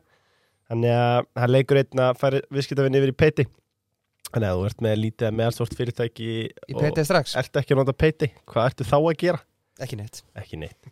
Já, ólíklega. Álíklega, en Payday rýður á vaðið og spyr þitt gamla fyrirtæki, sín, tilkynnti í vikunni að sín og Viaplay hafi gert tímamóta samning um, sem felur í sér engarétt á svölu Viaplay með verum Vodafone og Stöðar 2 og þessi samningur tekur gildi strax í ágúst Hvernig blasir þetta við? Þetta blasir þannig við mér að Viaplay er bara að fara út af íslenska markanum. Þeir keiftu efnisrétti, eh, sem sagt KSC sérstaklega, landsliðin í fótbolta og uh, svo Champions League keiftu þetta bara of dýru verði og, og ná ekki endum saman. Uh, höfustöðar fyrirtækisins er í Bretlandi, starfsvæðið samt fyrst og fremst eh, á Norðurlöndum og þeir eru bara í meiri háttar krísu sjálfur, þannig að hlutabriðin þeirra út erum að lækka um yfir 75% og fórstjóri rekin og núna er bara verið að endur hugsa uh, hjá Viaplay almennt hvernig þeir ætla að nálgast uh, sín viðskipti og sinn markkóp og Ísland er þá ekki lengur inn í myndinni. Fara þá ekki, ekki menna að telja bönir bara eða? Jú, já, en það er eins og þarna, þarna ég veit ég nú ekkert hvað sín er að borga fyrir uh, til að mynda að vera með landsliði í fótbolta. Mm -hmm. En ég veit að útsending á einu landsleik er 10 miljónir í kostnað. Uh, Þú þarft myndatökumenn og pródúsenta og grafíkara og allt þetta og, og dýran teknibúna. Uh, Síðan þykist ég vita að þessir tíu landsleiki kalla sem er á ári uh, að, að þeir hafi borgað eitthvað þar hátt í 80 miljónir. Ég veit náttúrulega ekki töluna, ég veit hvað viðböðum í þetta á sinnum tíma. Já. Og það segir mig bara þessi business sem Viaplay fór inn ég, ég, sko, þeir voru komnir með kannski 40.000 30.000 30-40.000 greiðandi áskrifendur en svo voru margir á einhverjum tilbóðum og öðru en sko þeir þurftu miklu meira til þetta myndi ganga upp Já, þannig að já, já, en þetta er svolítið sagan líka bara með efnisveiturnar út í heimi. Það er búið að vera mikil krísa í rúmt ár hjá Netflix það er búið að vera gríðakrísa hjá Disney mikil krísa hjá HBO Warner. Eh, þegar þessi fyrirtæki fór í ganga þá var verið að spáða um endalausum vexti. Síðan framlengir COVID svolítið þá tálsín að vöxturum var gríðalegur en svo kom núna bara veruleikin í ljós að fólk hefur auðvitað takmarkaðan tíma og takmarkaðan áhuga. Og það er ekki endalaust hægt að halda áfram. Þannig að núna er bara endurskipulagning í gangi hjá öllum þessum stóru efnisveitum og Viaplay er svo stæsta sem hefur verið að gera sig gildandi hér.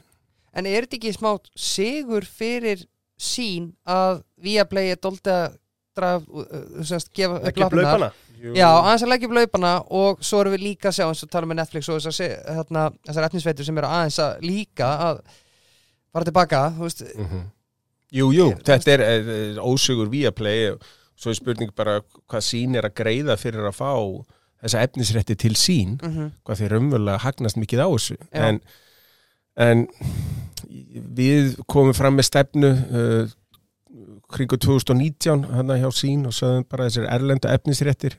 Það getur ekki verið okkar framtíð. Uh, það eru innlendu réttirnir og þá sjáum við náttúrulega hvernig stöð 2 hefur algjörlega slegið í gegn með körfuboltan og stórskemmtilegt uh, efni og Mhm. gengur mjög vel.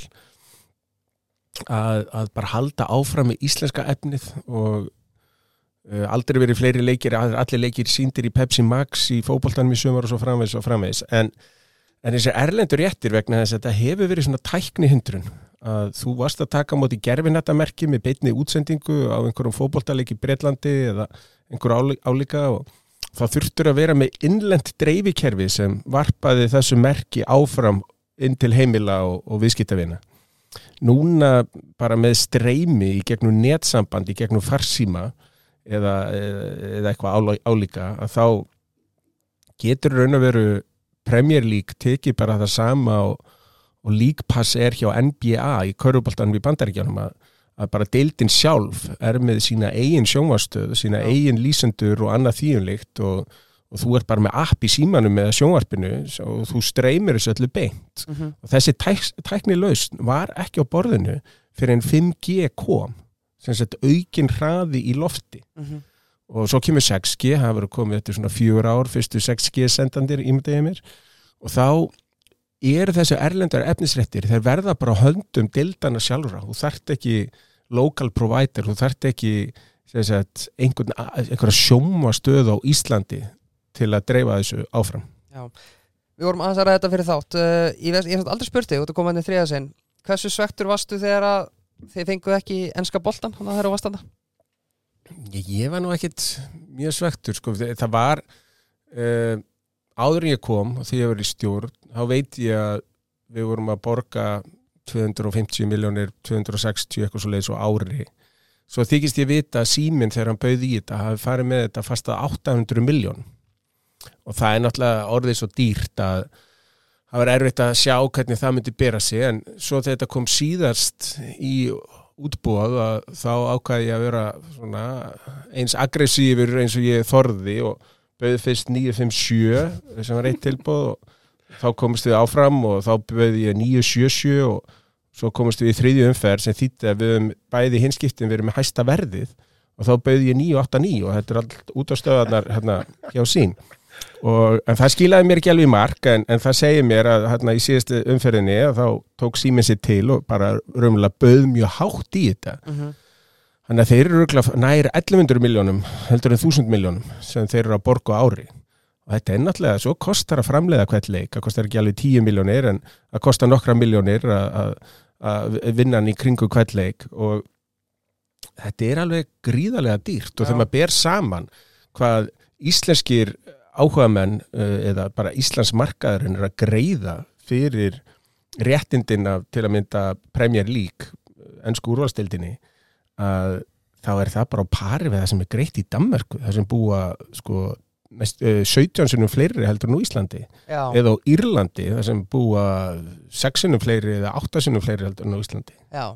Þannig að þetta- verð- Þannig að sko þessi samkeppni hérna innanlands uh, að bjóða upp þessa rétti því miður og það var nú leita til samkeppnis eftirlitsins með það hvort að fyrirtækin mættu ekki bara taka sér saman. Þetta er hvort þið er erlendur viðsemjandi það er ekki verið að halla á einhvern innlendan aðila sem greiðir hér skatta og, eða skapar verðmæti. Ertu þá að tala með svo í Champions League eitthvað hálft og eða? Já, njá, líka bara með símanum. Bara símin og, og stöð 2 hefðu bara ákveðið að bjóða saman í þetta. Já, þá hefði væri verðið ennþá 270 miljónir það verið ekki komið upp í 1100 Þetta er fárlega góð punktur. Lögðu þetta á borð samkjöms? já, já, það var leitað til sangjörnsettilitsins og, ekki, og löngu fyrir mína daga það er oft búið að fara með svona mál og, og, en þú veist, ok, við erum ekki með Excel fyrir framann okkur en segjum sem svo að borga 1100 miljónir fyrir enska boltan, þú veist, það það er ansi mikið af áskriftum þú veist, já, já, getur það borgað sig? Og spurning hvort það blæði út í aðra liði hjá símanum. Sko. já en, en, en, en sko það náttúrulega þeir sem eru mjög harðir aðdáðandur, þeir láta bara ekkit stöðva sig, sko, þeir væri til í að borga 50 á mánu eða hvað sem það er til að sjá liðið sitt, þannig að Húlarandi já, sérstaklega sko. já, einmitt en ég uh, að minnst kosti ég þorði að bjóða hérna 989 en ég fór ekki herra en það þannig að ég, ég gat ekki bara að reikna mig með nokkru móti inn í arðbæran rekstur ef þetta færi herra en það en þetta er svona, Þú varst aldrei að kappið þitt var Já, þú varst ekki að fara að fara yfir það? Nei, aldrei. Nei, og það er eigum við stöð 2 á við eigum alla framleiðslu þættina. Við erum með stúdíó og við erum Já. með myndver og myndstjórn og við erum með myndatöku fólk og bara föstu launum hjá okkur og pródusenta og allt þetta.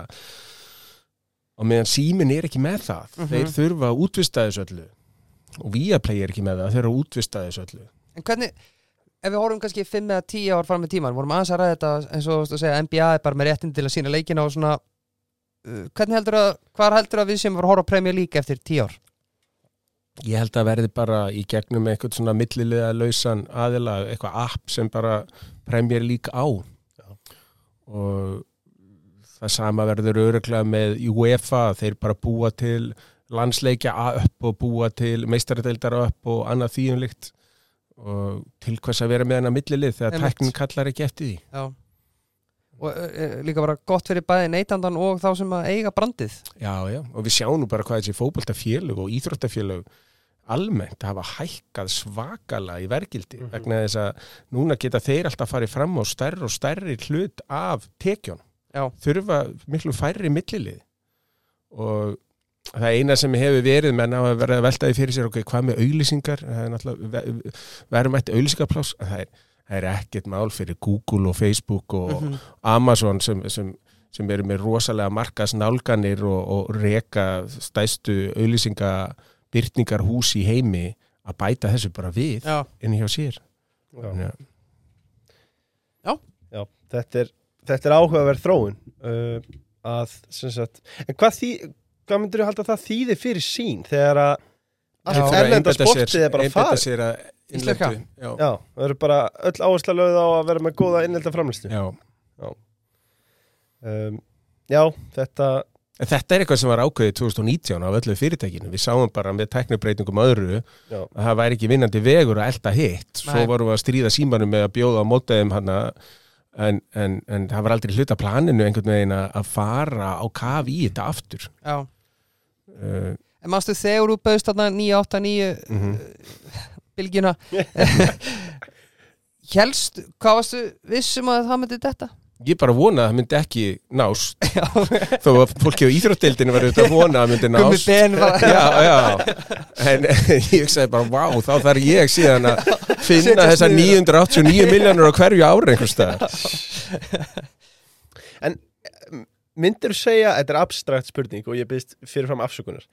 Um, sko, í heimi þar sem að tæknin spilar æstara hlutverk, uh, við sjáum eins og sín var að reyna að finna nýja tekjumöguleika í, í fjártækninni Mhm.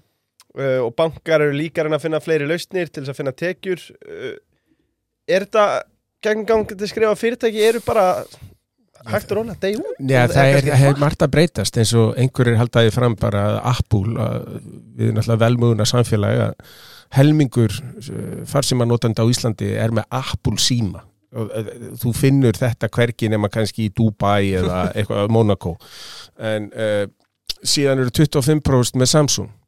Og það sem Apple hefur alltaf verið að reyna að gera og, og Peter Thiel hefur einmitt verið að gaggrína svolítið stóru teknifyrirtæki fyrir þetta er að læsa viðskiptavinni sína algjörlega inni hjá sér Mhm. og það var fyrst reynd með iTunes og, og, og iTunes um tíma var einmitt með NBA-leiki Já. og, og, reyndi sig áfram með það og, svo núna með Apple Pay og, og svo núna er auðvitað hugmyndin hjá Apple að þegar það kemur eSIM sem er ekki hefðbundi SIM-kort sem, sem er símakortin sem við setjum í símana í dag sem merkjaði inn á farsíma senda hjá uh, þeim þjónustæðala sem voru að nota hvort það er Vodafone, Símin eða, eða Nova að þá er komið eitthvað sem heitir eSIM. Og eSIM getur bara verið þannig að uh, þú getur bara flakkað á milli. Þú þarft aldrei að skipta um kort og, og Apple getur þannig sagt heyrðu, við erum með helmingin af öllum í raun og veru uh, farsíma eigundum á Íslandi í viðskiptum okkur út af þessum símum. Við skulum taka yfir farsíma sambandi líka. Já. Og þeir treyst okkur fyrir peningunum sínum í gegnum Apple Pay, bara þannig að við fyrum bara inn á markaðin og bjóðum bara, heyrðu, hérna Míla sem eru innviðin úr símanum, við myndum bara fara til þeirra og segja, viljið þið ekki bara sjá um þetta fyrir okkur? Þurfu ekki eins og að fara í síman nei, eða Vodafone, getur bara að fara í beint í Mílu og þá er bara helmingurinn á markaðinum farin já, og þetta er líka vantarlega helmingurinn sko, meir en helmingurinn að tekjunum af því þetta eru dýrustu símarnir, Apple símarnir Já. þannig að þetta eru verðmætustu viðskiptavinnir svo má segja. Þannig að þetta er náttúrulega áhætta fyrir þessi símfyrirtæki en þarna ertu aftur að sjá að eitthvað sem þurfti að vera með lokal distributor eins og í, í útsendingum á ennsku úrvastildinni að þú þarft þess ekki lengur, þú getur nálgast beint. Apple getur hérna nálgast beint. Mhm, svo þeir sem fara ganga lengst í þessu segja, já, svo fara þeir að selja tryggingar og þeir fara Já. að selja alls konar fjártækni og þeir geta komið með lán og sparnaðareikninga og, og tekið að því að hvort sem að síminn mun líta út eins og verið með hann í dag, þetta er náttúrulega bara einhver handtölva með rosalega fínum skjá með góðri upplaust að hvort það mun líta út svona eða einhvern veginn öðruvísi, ég veit það ekki en þú, ná, þú nánast stjórnar öllu lífiðinu í gegnum þetta já, og ég get ekki sé að það breytist á næstu tíu árum. Nei, nema það er alltaf fleiri og fleiri þættir sem ganga inn í þetta. Já. En þetta er samt góð punktur hjá Leifur að því að þú veist, og mér finnst þetta alltaf þema sem við erum búin að tala við heiðar hérna er að þú veist að eins og við erum að tala með sín og okkur svona það er svona einhvern veginn tekjulegir fyrirtækja er einhvern veginn finnst okkur að fækka? Er Já. ekki smá samanlega um það? Jú, og, og, og sko en alltaf sagt bara software is eating the world að bara þessi reiknigeta sem er að koma og þessi hugbúnaður, hann gerir það að verkum að það er ótal störf sem verður ekki þörf fyrir í Mhm. framtíðinni, ótal milliliðir sem þurfa ekkert að vera þarna í framtíðinni. Þetta leiðir að sér aukna framleiðni, meiri hagvokst, aukin kaupmátt, þannig að við getum ekki verið að sirkja þetta. Svo finnst mér líka þeir sem voru kannski fremstir hann í Kísildalnum og svona útóbíska hugsanir voru að segja að það verður bara massa atvinnleysi í heiminum í framtíðinni. Já. Núna er atvinnu skortur allstaðar, samt er gerfigreindin að reyða sér til rúms og einhverju segja, en það kemur setna. Jú, og sjáum líka bara hvernig líðfræðin er að breytast, hvernig demografían er að breytast, að það eru nýjastu spátnar eru að það verið færri en 600 miljónir kýmveri hérna á þessari öld. Þeim fækkjum meir en helming Já, og Evrópubúum munir fækka um 40%. Er það spánar? Já, þannig að það er jafn gott að, sko, eins og með Rússland, það er alveg svakalegt, það eru um 140-50 miljónir í dag, það er spáð að þeim verið kannski 90-80 miljónir hérna í lok aldarinnar. já, Þannig að þegar maður fer að skoða eitthvað svona, það er bara jafn gott að það, tæknin er að koma inn. Hún er, hún er bara kemur inn á háréttum tíma til þess að, að, leysa hennan skort á vinnandi höndum sem er bara fyrir síður. Mhm. Þannig að ég, mér finnst það jákvæmt. Mér Já. finnst það eh, sem- þetta er alltaf mjög áhugavert Já, þetta er mjög áhugavert og, og að því varst að tala um sko Þetta er uggvæðanlega þróun eins og með Apple eða þeir skildu nú taka yfir bara getum bara tekið allt Þannig, já. Sko að því þú sérð samt sko þetta er líka ekkit að því maður leitar nú oft aftur í tíman sko, skoða söguna.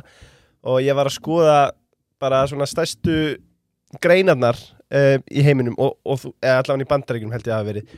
Og, og, sko, og samþjöpunna hversu mikið stærstu fyrirtækin hversu markaðslutil þeirra jógst og það var bara fór held ég þetta var hafi spannað 1930 upp til dagsins í dag og við vorum að skoða kannski, þetta var svona alltaf bilið 30% upp í 80% í dag. Mm -hmm. sem sagt þróunin, hvað þeir eru komin með stóra markaðslutil og aftur sjá þessi stærstu fyrirtæki ég ætla ekki að skrifa þetta allt á þessa, þetta stökk sem enna búlmarka sem hefur verið í bandaríkinum sem Mhm. hefur verið tölverið 20 og eitthvað prófist eins og þú segir.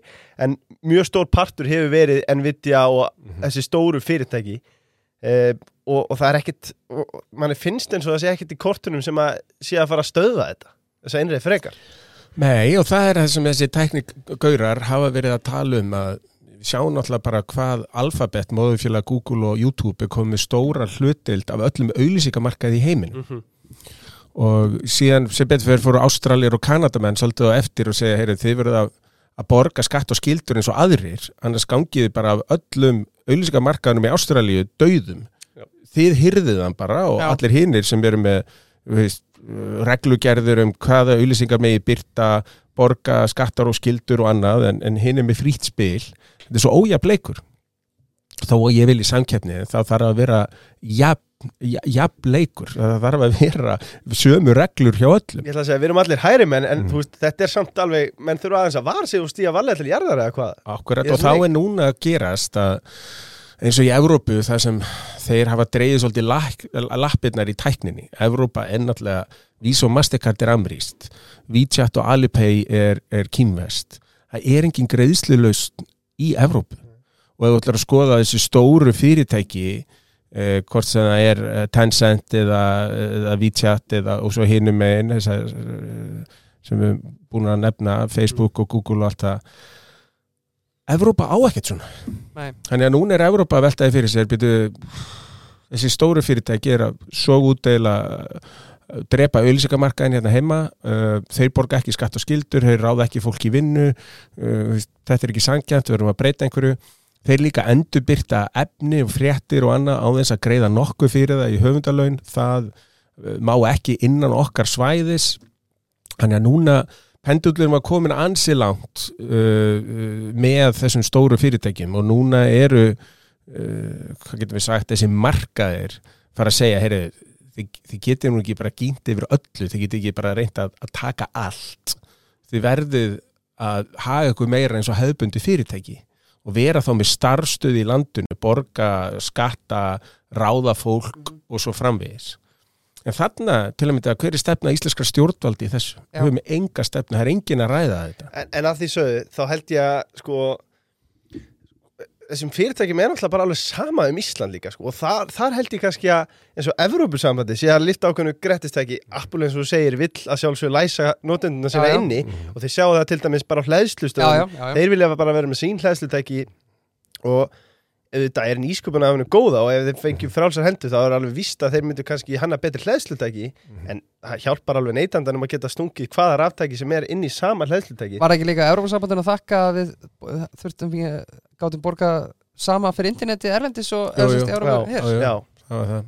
God save the Nei, en, en það, það var náttúrulega engin hemja hvernig var búið að lobbyera og símfyrirtæki hefði gert það að veist, það var ekki búið að samræma neina reglugerir, þetta var svo flókið á milli landa og ég bjó í Svissi mörg ár og eh, ef maður var með sagt, kort frá Swisscom og fór yfir til Ítalíu þá var maður bara rændur bara 500 eurum bara samdægus og, og þetta var algjört rugg og, og hérna, Maður þurfti bara að slökka á símanu sínum að það var á erlendis. Að gera það. Já, og, og, og síðan kemur svona business traveler rate og eitthvað og eitthvað og eitthvað. En símfyrirtækin og þeirra svona aðilar voru og lengi bara að reyna blóðmjólka þetta frekar heldur en að bæta þjónustuna.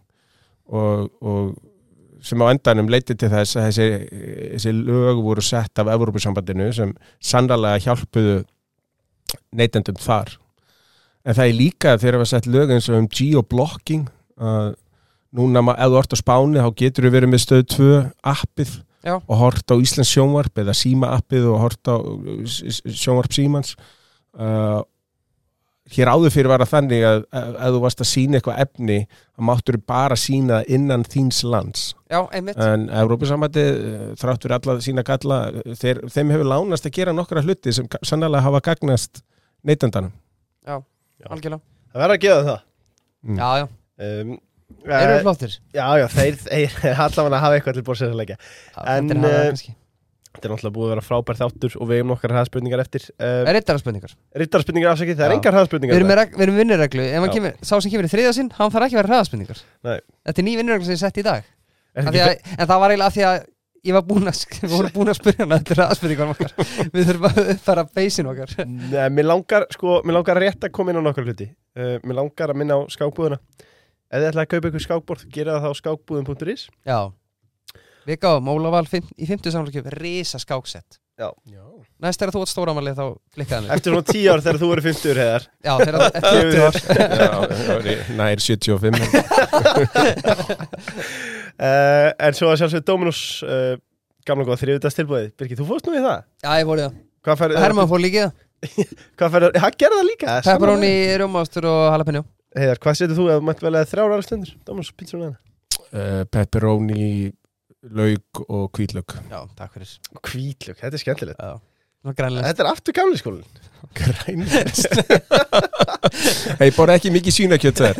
Ég fór hins vegar á tælenska veitingastað og þar var svona reyndýra súpa Já, með kókos í förrétt á tælenska staðnum og frábælega góð sko. Já.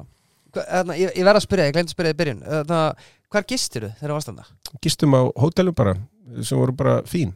Já, og bara takja herbergja eða veist, tvö rúm og, og, og klósett og sturta og þetta er bara eins og sveita hótel hér sko. Já, bara það er eftir bara ekkert vesen, bara hafa lokaðan gluggan svo moskíturnar kem ekki og myndi ég það mann Ætlað þú að vera með svona hópa ferðarangað?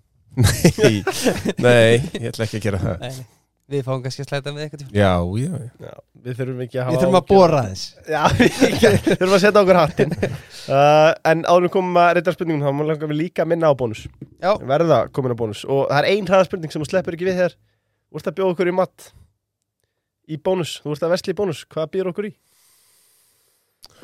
bónus. Uh, ég, pff, uh, ég myndi taka bara eitthvað svona risar, eitthvað svona tígrisrækjur og, og setja á eitthvað linguini og kappers og, og sítrónubörk og eitthvað svona dótt og það er bara fullt af parmesanosti. Já Hann er Selgæti. greinilega lunkin í eldursunni Þetta hljóma ríkarlega vel.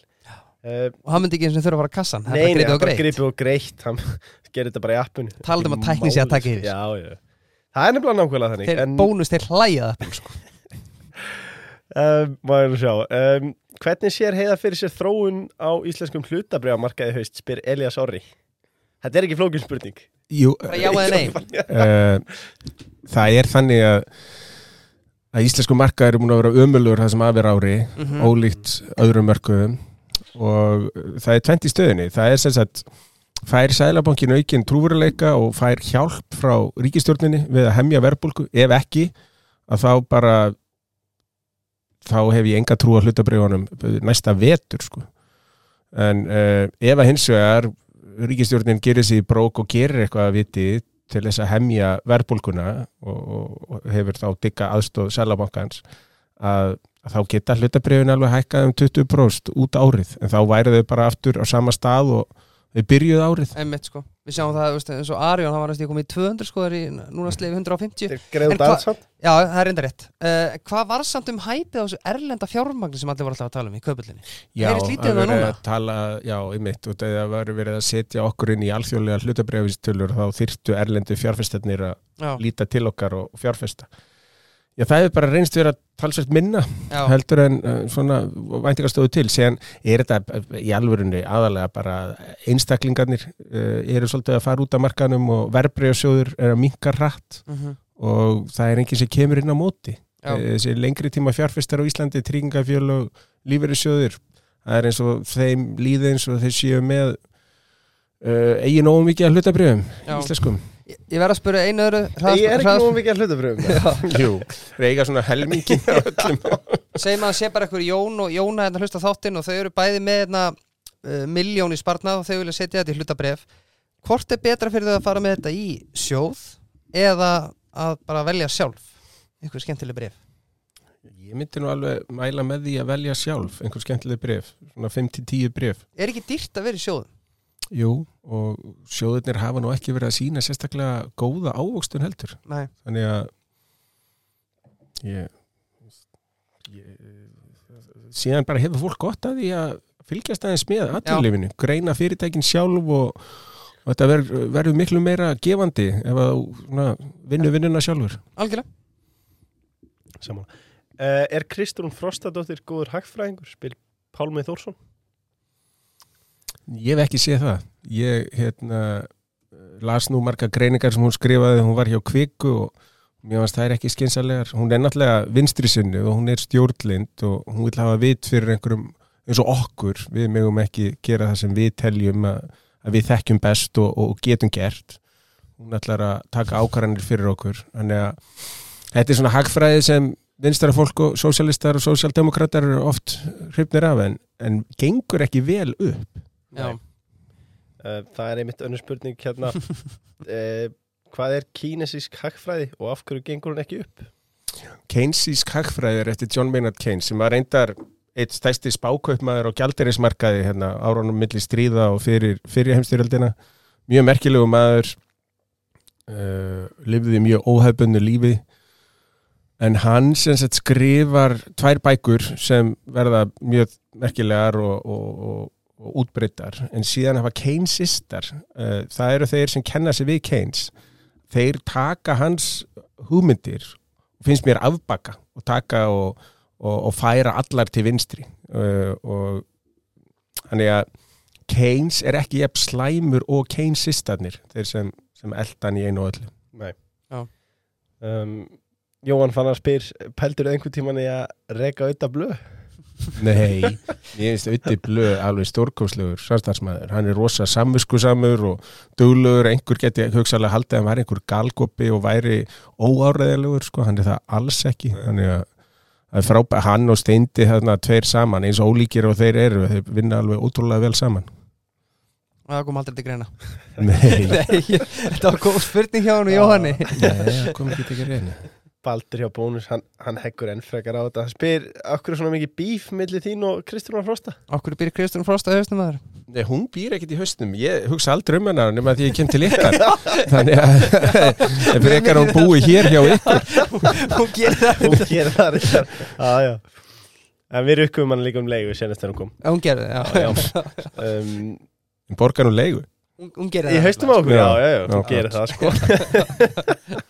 Um, Jóhannes Birgisson spyr þurfum við ekki að fjölga opinberum starfsmönnum eða ríkistarfsmönnum til muna? Hvers vegna ættu við að gera það? Ég held hann sé nú að grína Já, já, hann er að Nei, nei, það er sem sagt við vorum að tala um gerfigreind, við vorum að tala um sjálfvirknivæðingu og, og hvernig svona tæknin er að leysa ýmislegt fyrir okkur.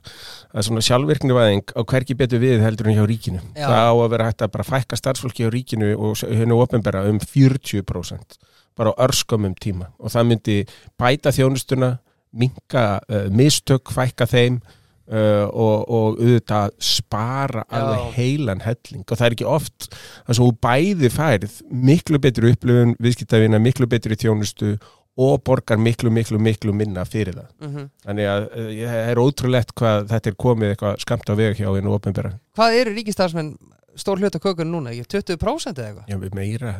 En það er líka sko, Þú ert með leikskóla starfsmenn jú, jú, jú, og heilbyrðið starfsfólk Já, og já. svona sem er í umönnun og þjónustu. En erum við ekki að tala með þessa plain ríkistarfsmenn eða svona Nei, en svo bara fjölgar þeim flestum. Það er, það er langmest fjölgun hjá þeim sem er í yfirstjórn einmitt og eru að vinna fyrir einhverja nefndir og einhver ráð og, og guðmá þetta hvað. mannréttindastofa Reykjavíkuborgar Já, sem dæmi og, og það má alveg auðvitað, eh, bara lesa lögin um sveitafjölög hvað er, hvert er lögbundi hlutverk þeirra Mhm. það er bara eins og sjáum fráveitu, sjáum skólp uh, hittaveitu, rafveitu eru þeir að standa sér vel í þessu? Nei uh, sjáum leikskóla, skóla eru þeir að standa sér vel í því? Nei, þetta er mér um enn miklað og svo ef þetta er opið þá eru miklu fleiri sem þurfa að sækja þetta heldur en að koma að stað eins og í leikskólum þannig að þessi, þessi bara, bara grunnskildur sveitafélögin, og sérstaklega Reykjavíkuborg er bara ótrúlegt hvað þið komast upp með að vanrækja þessar skildur sínar. Og, en með gerfigreind þá er þetta að fækka ofinbjörðu starfsmönum alveg gríðarlega. Öllum til ánægju held ég og indisöka En var samt ekki gott að Dag og Einar Þorstins þeir tilkynntur náttúrulega daginn að þeir ætla að hætta ráða fólk á óþörfu? Jú, það er ótrúlegt að þurfum við að taka það fram. Það er bara alveg stórkostlegt. Segir það ekki ýmislegt? Jú, jú, en svo halda þér áfram bara að ráða eitthvað fólk sem er algjörlega óþart Já, ég sá reyndar bara á Alfreði síðustu viku skrifstofustjóri yfir skrifstofustjóra. En þetta er held ég manns, mannskemmandi að setja einhvern í svona starf. Já, þar sem þú, þú hlýtur að átta þig á því að þú ert ekki að gera neitt. Nei, já. Nema bara að búa til kostna Já, bara, já, já, því miður. Um, Þetta er sorglegt. Dagur B. Eggertsson eða Kristján Frostadóttir Kristrún. Uppáhalds fórsetisraður í sögunni spyr allir hafn Íslenskur og erlendur. Já, Churchill. Og, og íslenskur? Já, íslensku Já, já, já. líka. Já, ég hef ekki þekkt á marga. Það er ekki bara getið? Davíð sé ekki Já. bara Já. Þannig er næst mann í tíma. Félagi í kaupöllin í dag uh, Það er verið að þú ert að stara niður byssulöpið segir á sig á Dominus Já, ég Það er verið að first north markaði kannski? Ég, ég, ég, ég er náttúrulega mjög hrifin að Amarok og mér finnst það Já. ótrúlega ódýrt félag og, og, en það er því marki brent að fæstir íslendingar að nokkuð mann komið nálægt svona frumefna vinslu eða námu vinslu þannig að en, alveg jafn áhugavert fyrir því. En síðan finnst mér bara mér finnst sjáurútsfyrirtæki, mér finnst brim alls ekki vera dýrt mér finnst síldavinslan vera allt í lagi mér finnst eh, ég er ekki hrifin af þessum fastegnafélögum en Mhm.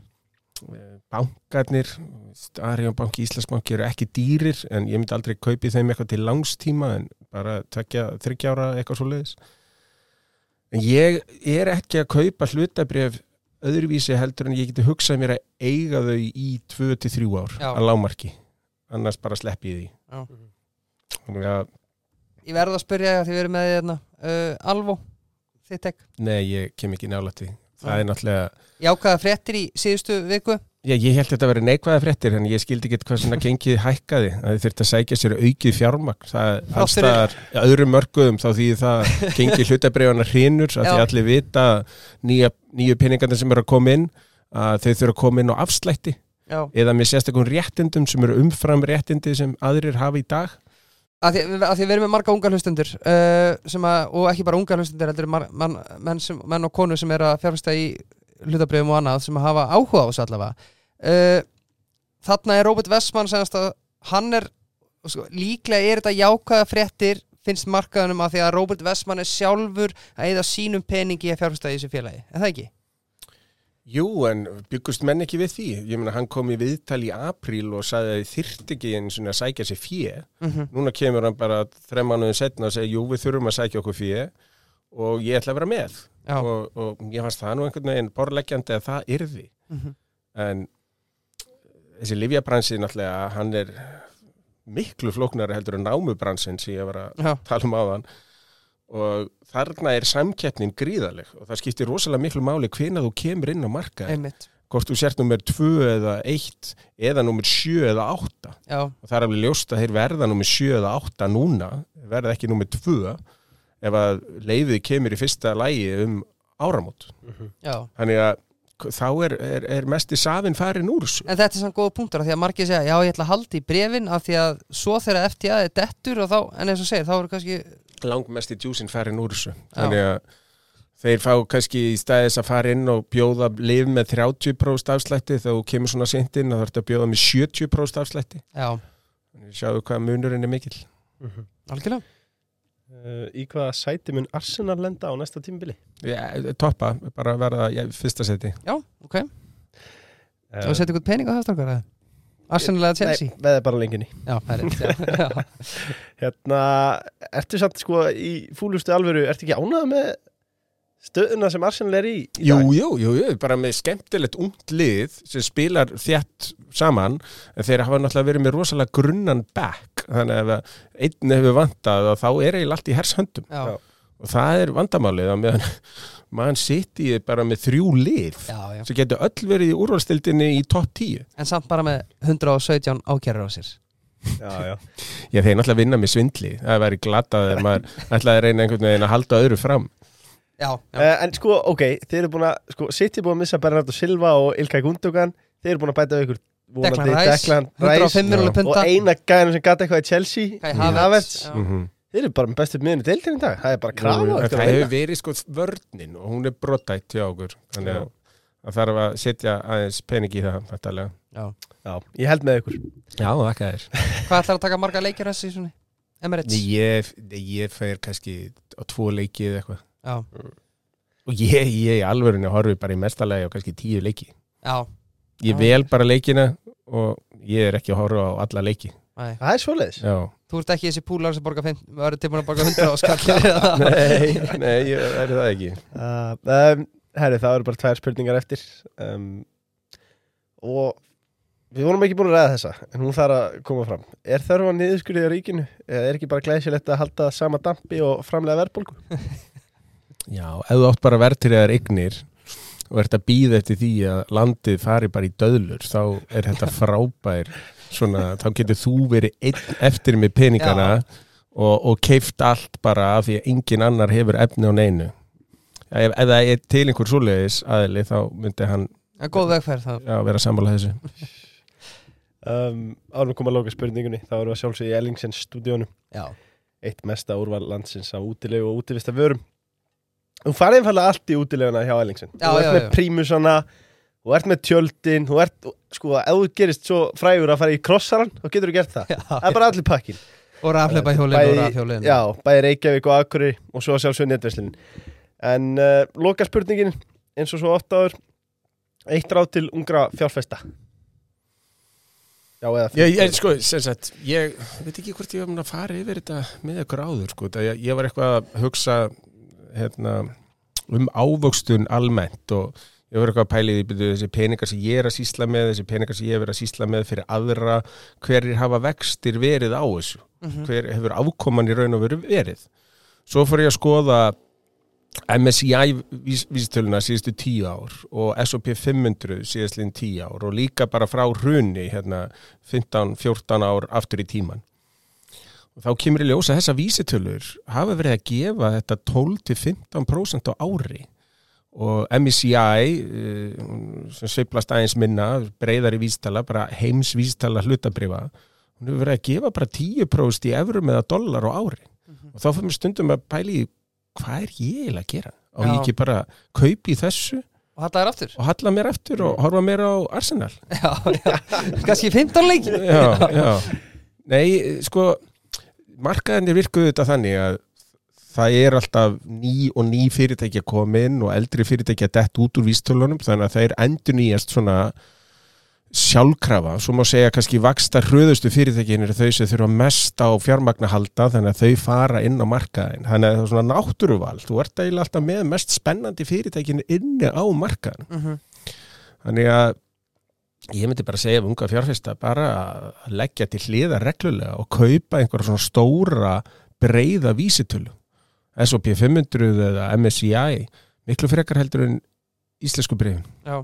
en í dag er líklega ansið sniðut líka greiða niður lánið eða hvað, Það er alltaf best. Er það er alltaf best Já. að vera skuldlaus. byrja því og svo fara pæla einhver öðru Já, það er hérna þýskum málsattur, það er betra að sofa vel en borða vel. Já. Maður á ekki að vera að rempast og rempast og rempast og deyja svo stressi af því að maður sko, bara gerir þetta með hægð og, og spenna búan ekki á hátt. Já. Heiða Guðjónsson, takk kærlega fyrir kvöldið. Já, takk kærlega fyrir að fá mig.